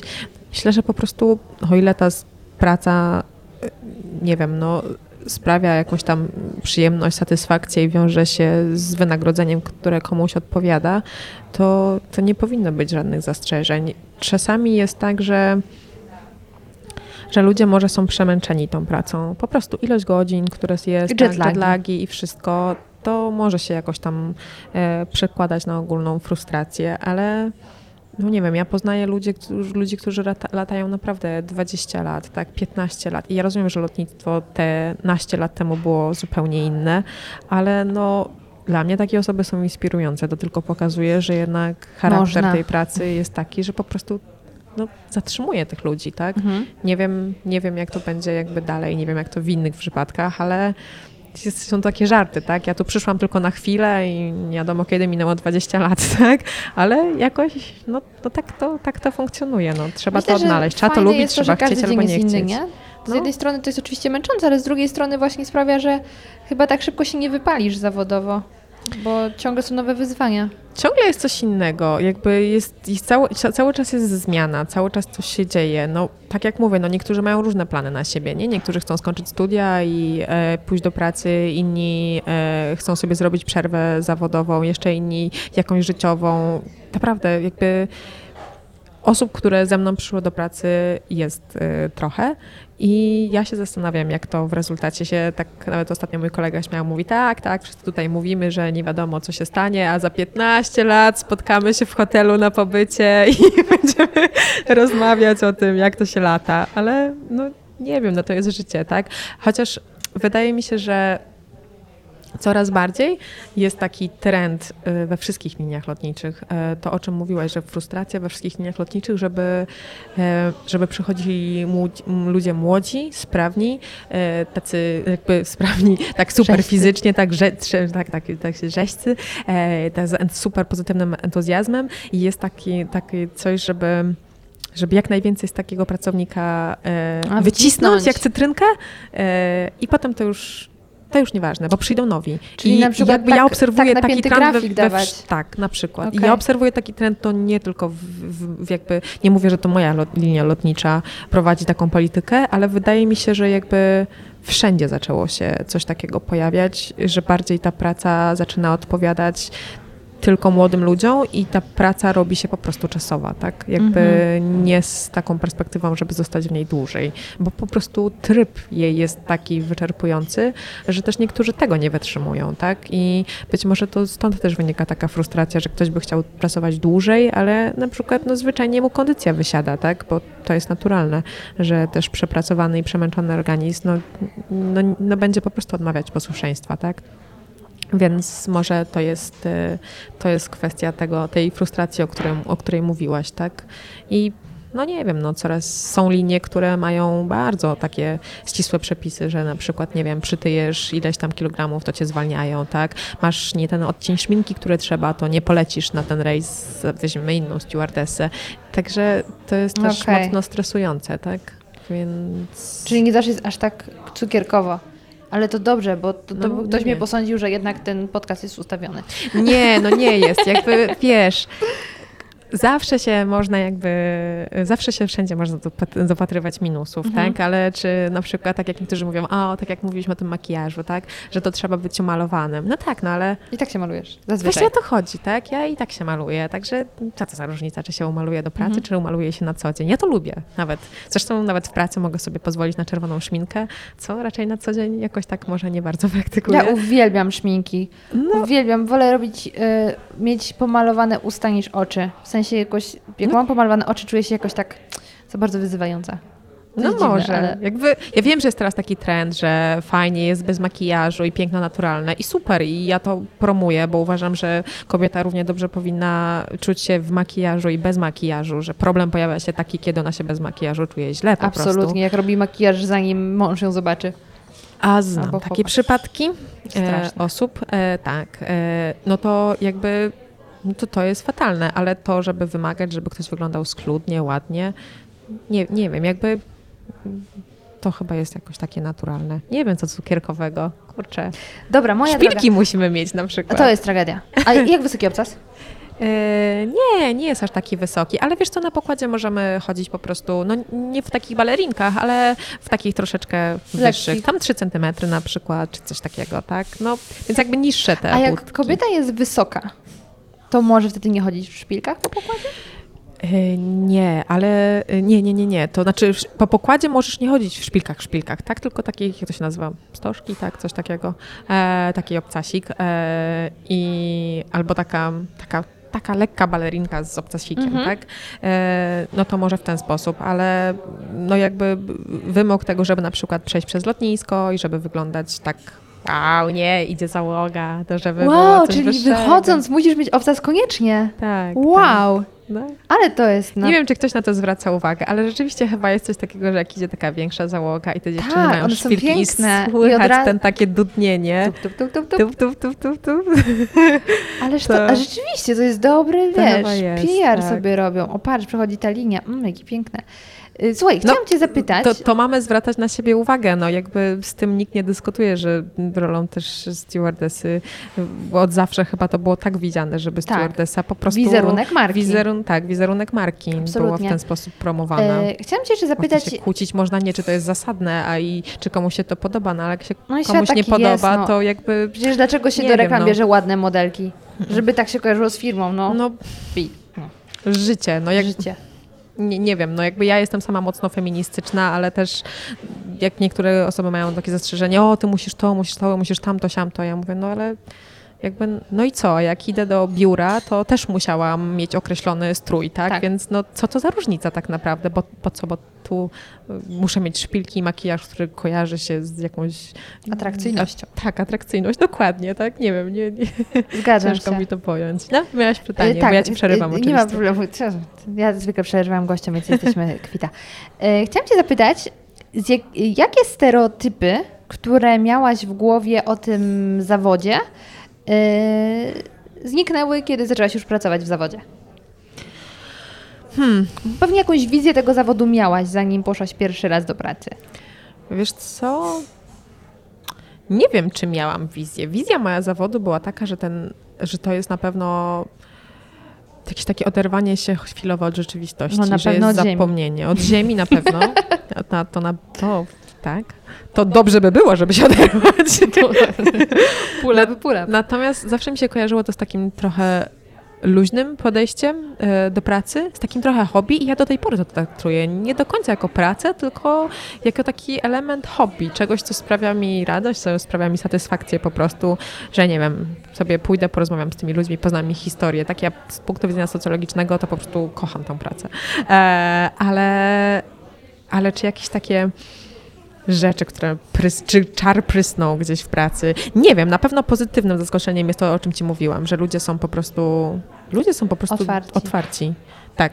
I to jest super. Jakby nie spodziewałam się, że będzie aż taka, taka, taka zażyłość po prostu, taka, że ktoś będzie taki miły.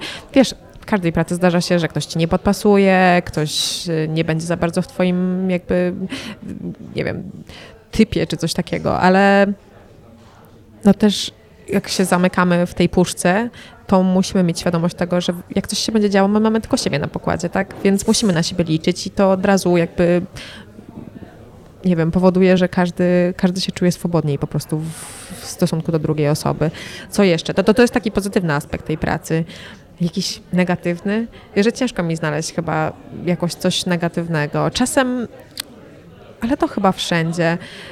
Um, łapię się na tym, że niektórzy Właśnie to jest to, że niektórzy pasażerowie trochę cię tak traktują, przynieś, podaj, pozamiataj, jakbyś po prostu była Kelnerka tylko... taka trochę też.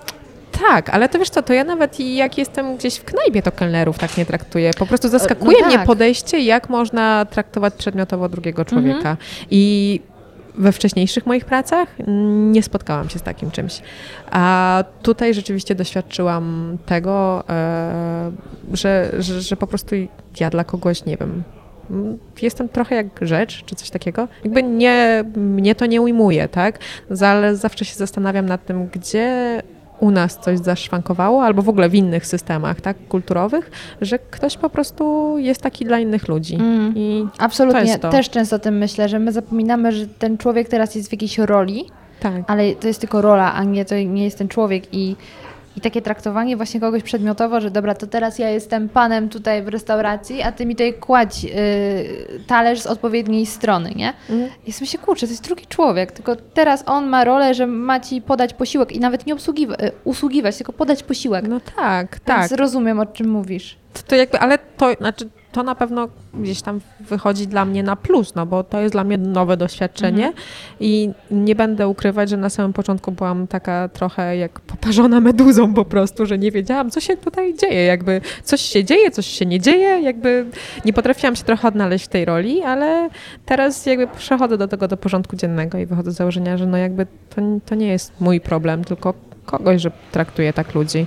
Bo rejs się skończy. tyle. Ty Bo rejs się swoją drogą, skończy. on dalej będzie taki... No właśnie, on dalej jest? taki będzie. Y, y, Apel dla e, przyszłych pasażerów. Bądźcie mili. Bo No stewardessy naprawdę chcą być miłe i są miłe. to nie jest kwestia tego, że Ja podziwiam chcą. Tak. Po prostu są. Mamy pozytywne nastawienie do, do życia ogólnie, tak chyba. Mamy naprawdę podejście do tego, że praca może być przyjemna, że to nie jest tylko, że przychodzę, muszę to odbębnić, tylko no, jest jakieś takie ogólne zainteresowanie tym, co się dzieje, ludźmi, wszystkim. I jakby no, fajnie chyba też czasem z tego skorzystać, zwłaszcza, że tak naprawdę jest tyle osób u nas w pracy, które no, są po takich dziwnych przejściach i są po takich dziwnych zawodach i rzuciły jakieś swoje profesje i albo rzuciły na chwilę, albo nie na chwilę, albo no to Albo mają fascynujące po y, prostu. rodziny całe, nie? Albo mają całe rodziny, albo jakby, wiesz, znają, nie wiem, nagle trzy języki perfekt, tak? Nagle są tutaj, nagle, ale co robią tutaj? A wcześniej na przykład robiły jakieś tłumaczenia, tak? Ale to jakby, no jest takie spektrum osób. Są ludzie, którzy, nie wiem, no rzucili medycynę, bo jednak nie, jednak nie, jednak nie. Są ludzie, którzy są po prawie, są ludzie, którzy są, byli nauczycielami, e, ale którzy nie dali już rady w szkole i przyszli tutaj. Naprawdę, jakby jest takie środowisko, takie, to jest niesamowite nawet u nas w branży, tak, są jakby, to jest super, to jest super I jak się trafi na, no, na kogoś wartego rozmowy, to to myślę, rzeczywiście że ten czas leci po prostu. szybko, jak się ciągle rozmawia z ciekawymi ludźmi. Zwłaszcza, że pasażerowie często widzę, że się pytają, a co pani od kiedy pani lata na przykład, nie? I jak się odpowiada, że a no niedawno, no to się no pytają, a, a co się wcześniej robiło? I czasami jak dziewczyny odpowiadają, jak wcześniej pracowały, co wcześniej wykonywały, ci pasażerowie po prostu nie mogą uwierzyć. Jakby dla nich to jest jakiś taki inny świat, jak tak można, ale jakby ja widzę tę taką barierę, która nagle znika i oni sobie uświadamiają, Boże, to jest normalny człowiek. To jest, to jest człowiek, który miał pracę, jak ja, od 8 do 16. Ja w ogóle, co tu się dzieje, tak? Więc to jest, to Ta osoba też fajne. kupuje papier toaletowy. Nie! O Szok! nie, szok w ogóle. Serio? No, więc, e, więc to jest takie, jakby, nie wiem, jakby zaczynają widzieć, że to nie jest tylko osoba w mundurze, która, która po prostu jest na na Oj, mundury są osłuchiwanie, super. Tak? Mundury są super, tak. Y, Słuchaj, a mam dla ciebie takie śmieszne. pytanie, już właściwie chyba zbliżamy się ku końcowi. A ja mogę rozmawiać, no nie wiem, jak wyjdzie ten wywiad, bo ja to tam lelum po lelum Wiesz, ile mamy gadam. już teraz nagranego? Nie wiem, ale jak będziesz musiała to montować, to Pójdzie żywcem, tu nie ma co wycinać. E, może coś jest, może coś nie jest, no nie wiem. Sprawdzimy. Ym, chciałam cię zapytać, bo ty mówisz, że to jest taka terminowa praca, że będziesz chciała wrócić do swojego innego zajęcia prawdopodobnie. Pewnie tak, pewnie Czy tak. wyobrażasz sobie polecieć w rejs już nie jako stewardesa i być tylko tym pasażerem? Wiesz, no ja miałam rejsy, których No, ale byłam. wtedy jeszcze nie znałaś tego ale świata. ter- no tak, ale teraz też. Teraz też miałam swoje prywatne rejsy. I No i ja jak nie ci byłam. jest z tym?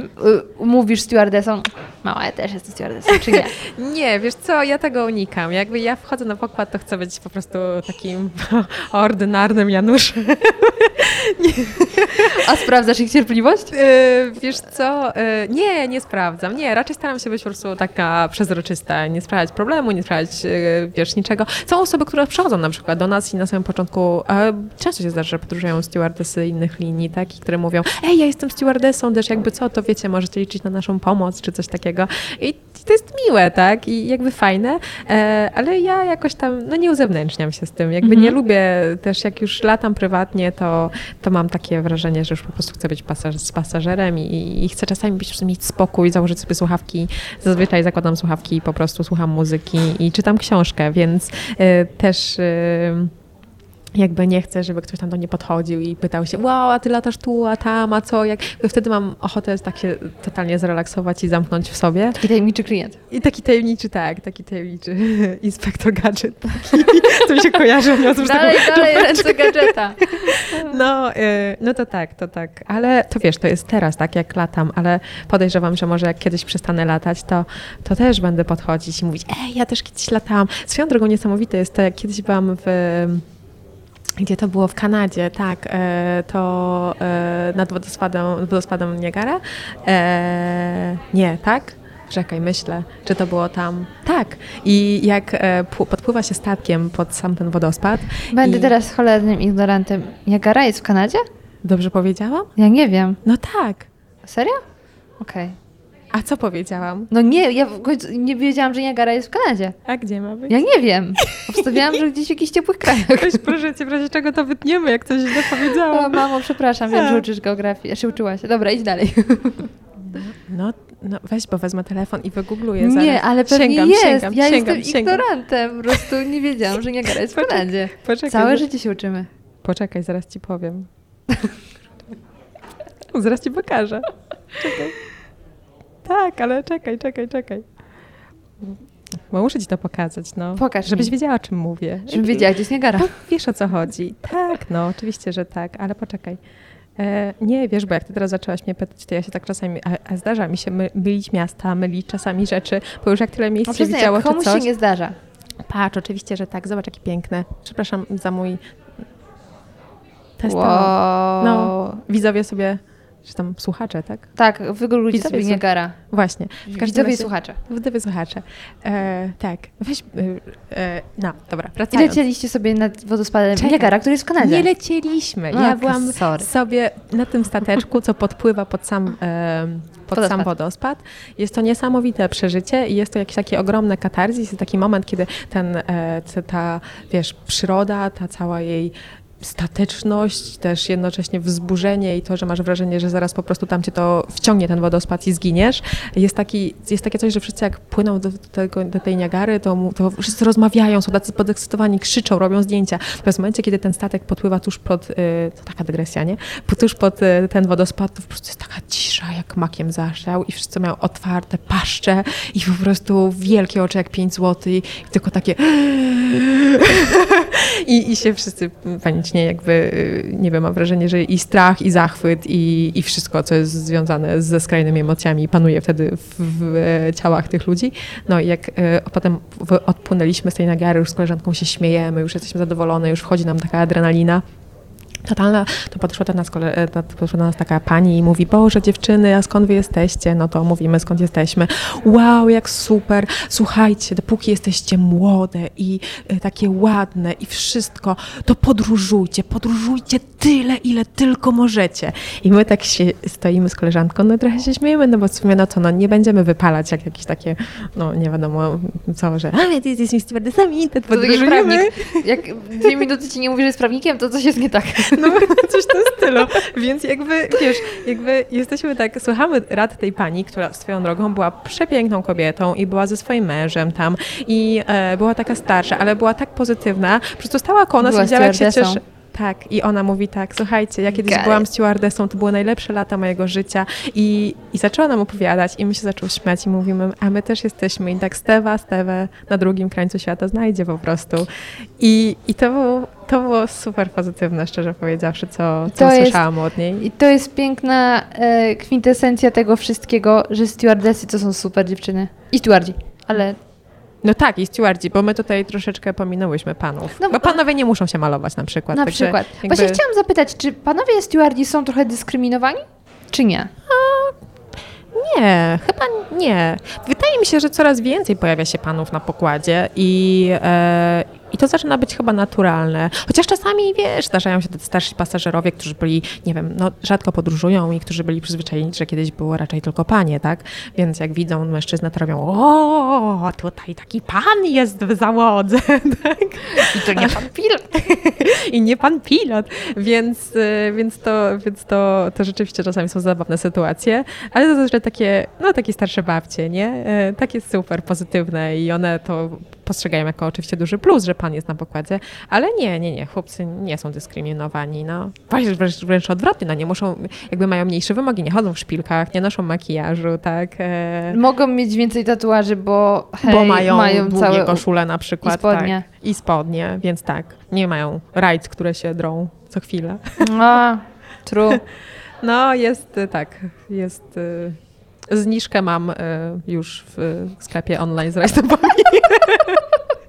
No, ale tak, ale nie, ale nie, panowie, panowie nie są. Panowie, coraz, no czym mówię, że coraz więcej się panów po prostu pojawia. I to też jest fajne, bo wydaje mi się, że y, ten zawód po prostu się otwiera na mężczyzn i teraz no nie ma jakiegoś takiego nie wiem, wydaje mi się obciachu, który może kiedyś był, że o, tutaj jak to pan jest stewardem, jak to pan lata, tak? Steward malutki. Steward w ogóle właśnie coś takiego jak to, ale to pan, to, to, to, to, to, to, to mężczyzna w ogóle może, tak? To, to nie, to nie ma, tylko jest fajnie. Zresztą chłopcy u nas no, y, są bardzo, bardzo pozytywni, tak? No i jeszcze jak jest taki gender i jest taki y, 50 na 50 załogi, no to też wiadomo, że każdy ma różne inne jakieś tam pomysły, doświadczenia. Fajnie jak są mężczyźni w załodze po prostu i fajnie jak są kobiety, tak? No. Kusi mnie jeszcze, żeby cię zapytać i cię zapytam. Czy święta spędzasz y, w niebie, czy, czy pod chmurami, czy jednak jesteś w domu? Y, święta mam w domu, natomiast Sylwestra mam w chmurach. Sztos. A już wiesz, dokąd będziesz lecieć? Gdzieś y, będziesz nad jakimiś miastami, gdzie będą fajerwerki? To jest dobre pytanie. Powiem Ci, że jeszcze o tym, jeszcze chyba tego aspektu nie przemyślałam, ale rzeczywiście mogę wejść do kokpitu i poobserwować być może fajerwerki. Ale I pomyśl wtedy o mnie. pomyślę wtedy o Tobie, tak, ale no to jest, no tak, to będzie mój Sylwester, tak, no taka Ekstra. praca po prostu. Fajnie. A zdarzyło Ci się spędzić święta w, na, w kokpicie? E, na pierwszy dzień świąt i drugi dzień świąt, tak, zdarzyło mi się latać. Natomiast w zeszłym roku miałam Wigilię wolną i w tym roku mam Wigilię wolną. Mam nadzieję, że nikt mnie nie zaciuka, że przyznałam się teraz do tego, ale, no ale coś za coś, tak? Mhm. W zeszłym roku w pierwszego, y, 1 stycznia latałam, a w tym roku jakby mam y, Sylwester, więc y, wyjęty. Ale święta chyba wielkanocne. Miałam też jakieś rejsy, więc to tak nie jest, że, że jakby zawsze mam wszystko wolne, co, Co co, chcesz. powin, co chcę, tak, co chcę. Zresztą ja nigdy nie proszę o wolne dni na święta i na Sylwestra, bo wychodzę z założenia, że no ta praca taka jest, no, ze wszystkimi plusami i No, minusami ale wtedy chyba biorę, też możecie tak? się podzielić opłatkiem, nie? Na, Tak, tak, pokładzie. oczywiście. Jak gdzieś e, załogi są e, jakby na, w hotelu, tak, to robią w ogóle sobie swoją wigilię po prostu. Więc no, jest taka rodzinna atmosfera też taka załogowa, tak. No ale to może być na przykład minusem dla niektórych osób, e, że nie spędzają świąt e, w domu. No to tak. jak pytałaś o to, co może być przeszkodą, jakby co jest niefajnego w tej pracy, to wydaje mi się, że dla niektórych to może mieć duże znaczenie, bo no wiesz, różnie ludzie podchodzą do świąt po prostu. Oczywiście, no ale z drugiej strony to wystarczy, że pracujesz w supermarkecie, gdzie wigilię do ostatniej chwili spędzasz w pracy, albo wiesz, stacja paliw, też Ale jesteś wiesz, w pracy. wszędzie pracujesz w jakiejś korporacji czy coś, to też nieraz tak naprawdę co z tego, że masz e, wigilię. W Wigilię też idziesz do pracy, Tak. tak? Ja, jak pracowałam wcześniej, to też byłam w pracy i to z tego, no okej, no wyszłam sobie o 15, tak? No to miałam teoretycznie popołudnie wolne, ale czasem No, się zdarzało, że trzeba było... i do 17, i do no 18. i dokładniej, Mm. albo trzeba było jeszcze pracę na święta ze sobą zabrać, więc to jakby, wiesz, no chyba domena naszych czasów, że święta to już tylko jakaś tam data w kalendarzu powoli się robi, a nie jakaś rzeczywiście Można... okazja do Niektórzy na święta zresztą siadają do samolotu, żeby właśnie uciec przed świętami, więc Tak, tak, ale wtedy panuje taka super atmosfera, naprawdę ci pasażerowie wchodzą.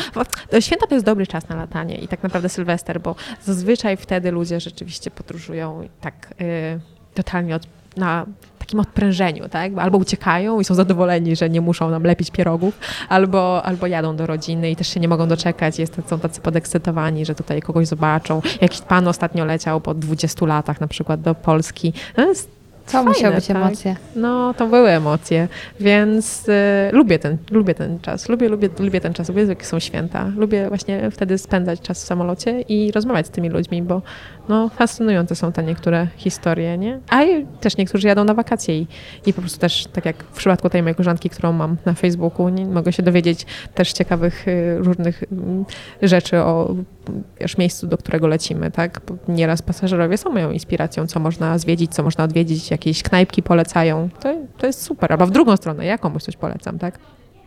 Więc no. Oj, moja wymiana droga, powiedziałaś mi tyle super rzeczy, że zacznę się na nowo zastanawiać nad tą pracą. I kto wie, albo spotkamy się gdzieś w przestrzeniach jako ja pasażer, ty stewardesa, albo na odwrót.